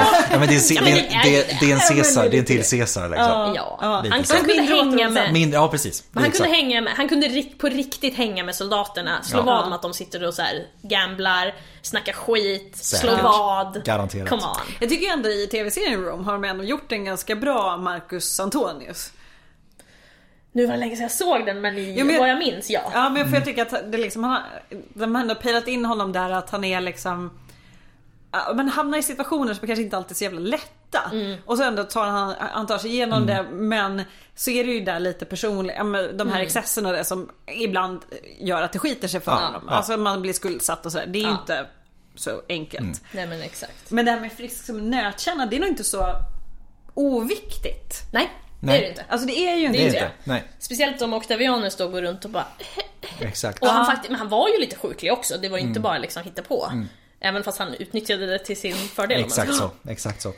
Ehm, Sen Marcus Antonius ska säga, han var ju inte, han var inte helt värdelös rent administrativt. nej, Men han var väldigt mån om att delegera göra uppgifter till men han andra. var ju livsnjutare. Eh, på, ja, på gott precis. och ont då. Allt, de här liksom mest tråkiga och allt för komplicerade sakerna, det kunde någon annan gärna Jag litar på dig. ta hand om. Precis. Generös, lätt för skämt, alltså väldigt skojfrisk omkring Ja. sig. Ehm, ganska obekymrad inställning till livet rent allmänt. Men beskrivs som, alltså av antika författare då som ganska godtrogen och svag för smicker.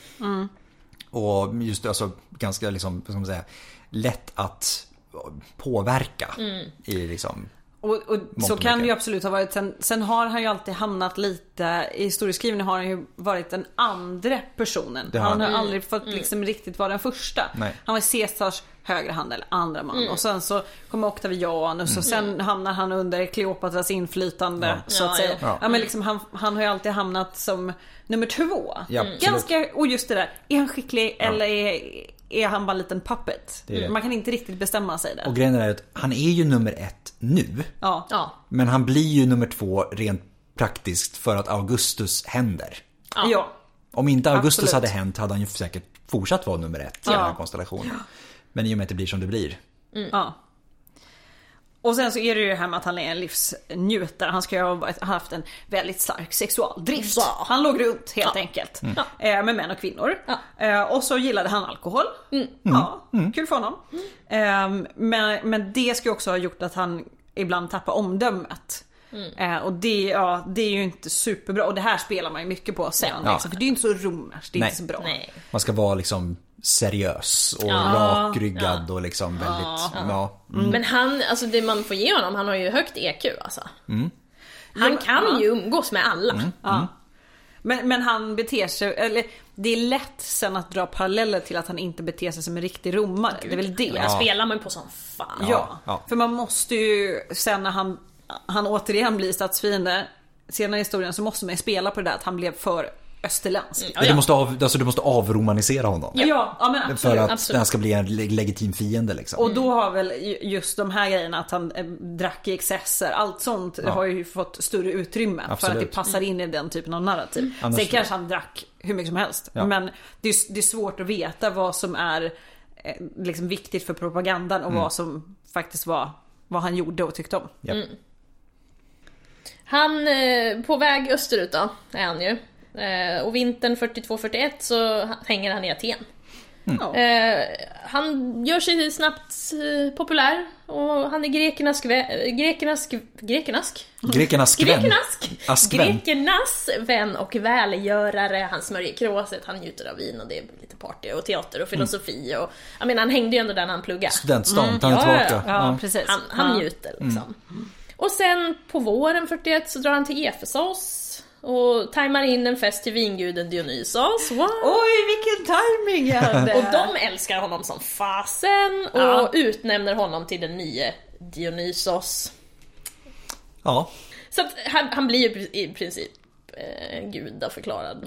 less. precis. Det gillar han Li, väl. lik en gud Likt åtminstone. en Alltså, om, Gud. Ja. om den bilden av honom som de antika källorna ger stämmer så måste jag älska det här. Ja, det tror jag. Absolut. Alltså, sure. Han mådde säkert jättebra. Han mådde sig. Det hade säkert Caesar också gjort fast han kanske hade insett att oh, det här kan rimma lite illa hos folk. Men han hade nog gillat det. Ja, ja, ja. Definitivt. Men, eh, Verkligen. Eh, men även om du är gudaförklarad typ, behöver du ju lite cash. har du gör lite räkningar Ja. att betala. Typ så. Typ så. Måste ju finansiera det här kriget. Japp, så Och vi höjer skatterna va? Suger ut provinserna i mindre Asien. Mm. Det är inte jättepoppis? Nej. Ehm, De har ju ingen eh, kronofogden som man ska äta lite mer tid. Nej, jag glömde att betala Nej. den där räkningen. nej, nej, nej. Men han kommer till slut fram till Tarsos, huvudstaden i Kliken. Och då är det alltså typ, ni vet precis den här böjen där typ Syrien och Turkiet möts. Ungefär där ligger Kliken. Eh, och det är här som han ska liksom etablera sin maktbas inför kriget mot parterna. Och för det behöver han cash. Ja. Ja. Eh, och vilka har cash i området? Egypten. Egypten kan än en gång inte undvika att bli indraget i Nej, Det är, det är dags att kalla på Kleopatra.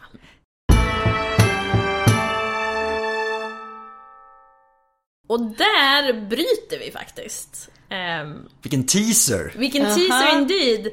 När man eh, gör research och sen inser att eh, det blir alldeles för mycket att trycka in allt i ett avsnitt. Och då har vi ändå ganska rusat igenom alla de här slagen och krigen. Absolut. Men vi vet absolut. vilka vi har att göra med i alla fall. Ja. Vi har bakgrund till både Marcus Antonius och Kleopatra. Ja.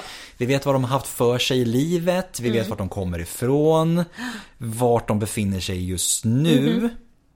Och sen Ja. tar vi det vidare sen. Och så Ja. tänker jag, när, när ni nu går och väntar och suktar och längtar på nästa avsnitt. Läs Shakespeare-pjäsen. Det kan man göra. Den är, det är ju en, det är en bra Ja. pjäs, det är en jättebra pjäs. Eller se en, en uppsättning eller en ballett eller vad sjuttsingen som helst. Men det är ändå så här lite det är ändå lite kul när man, när man har bakgrunden lite mer faktamässigt och så ser det där. Exakt. liksom. Ja. Eller titta på Kleopatra med Elizabeth Taylor. Det finns en version med Vivienne Lee också. Det gör det också. Eh, jag tänkte den storslagna, den som Mm. Ja, men det är ruinerade, ruinerade ja. Hollywood. eller vad man ska säga.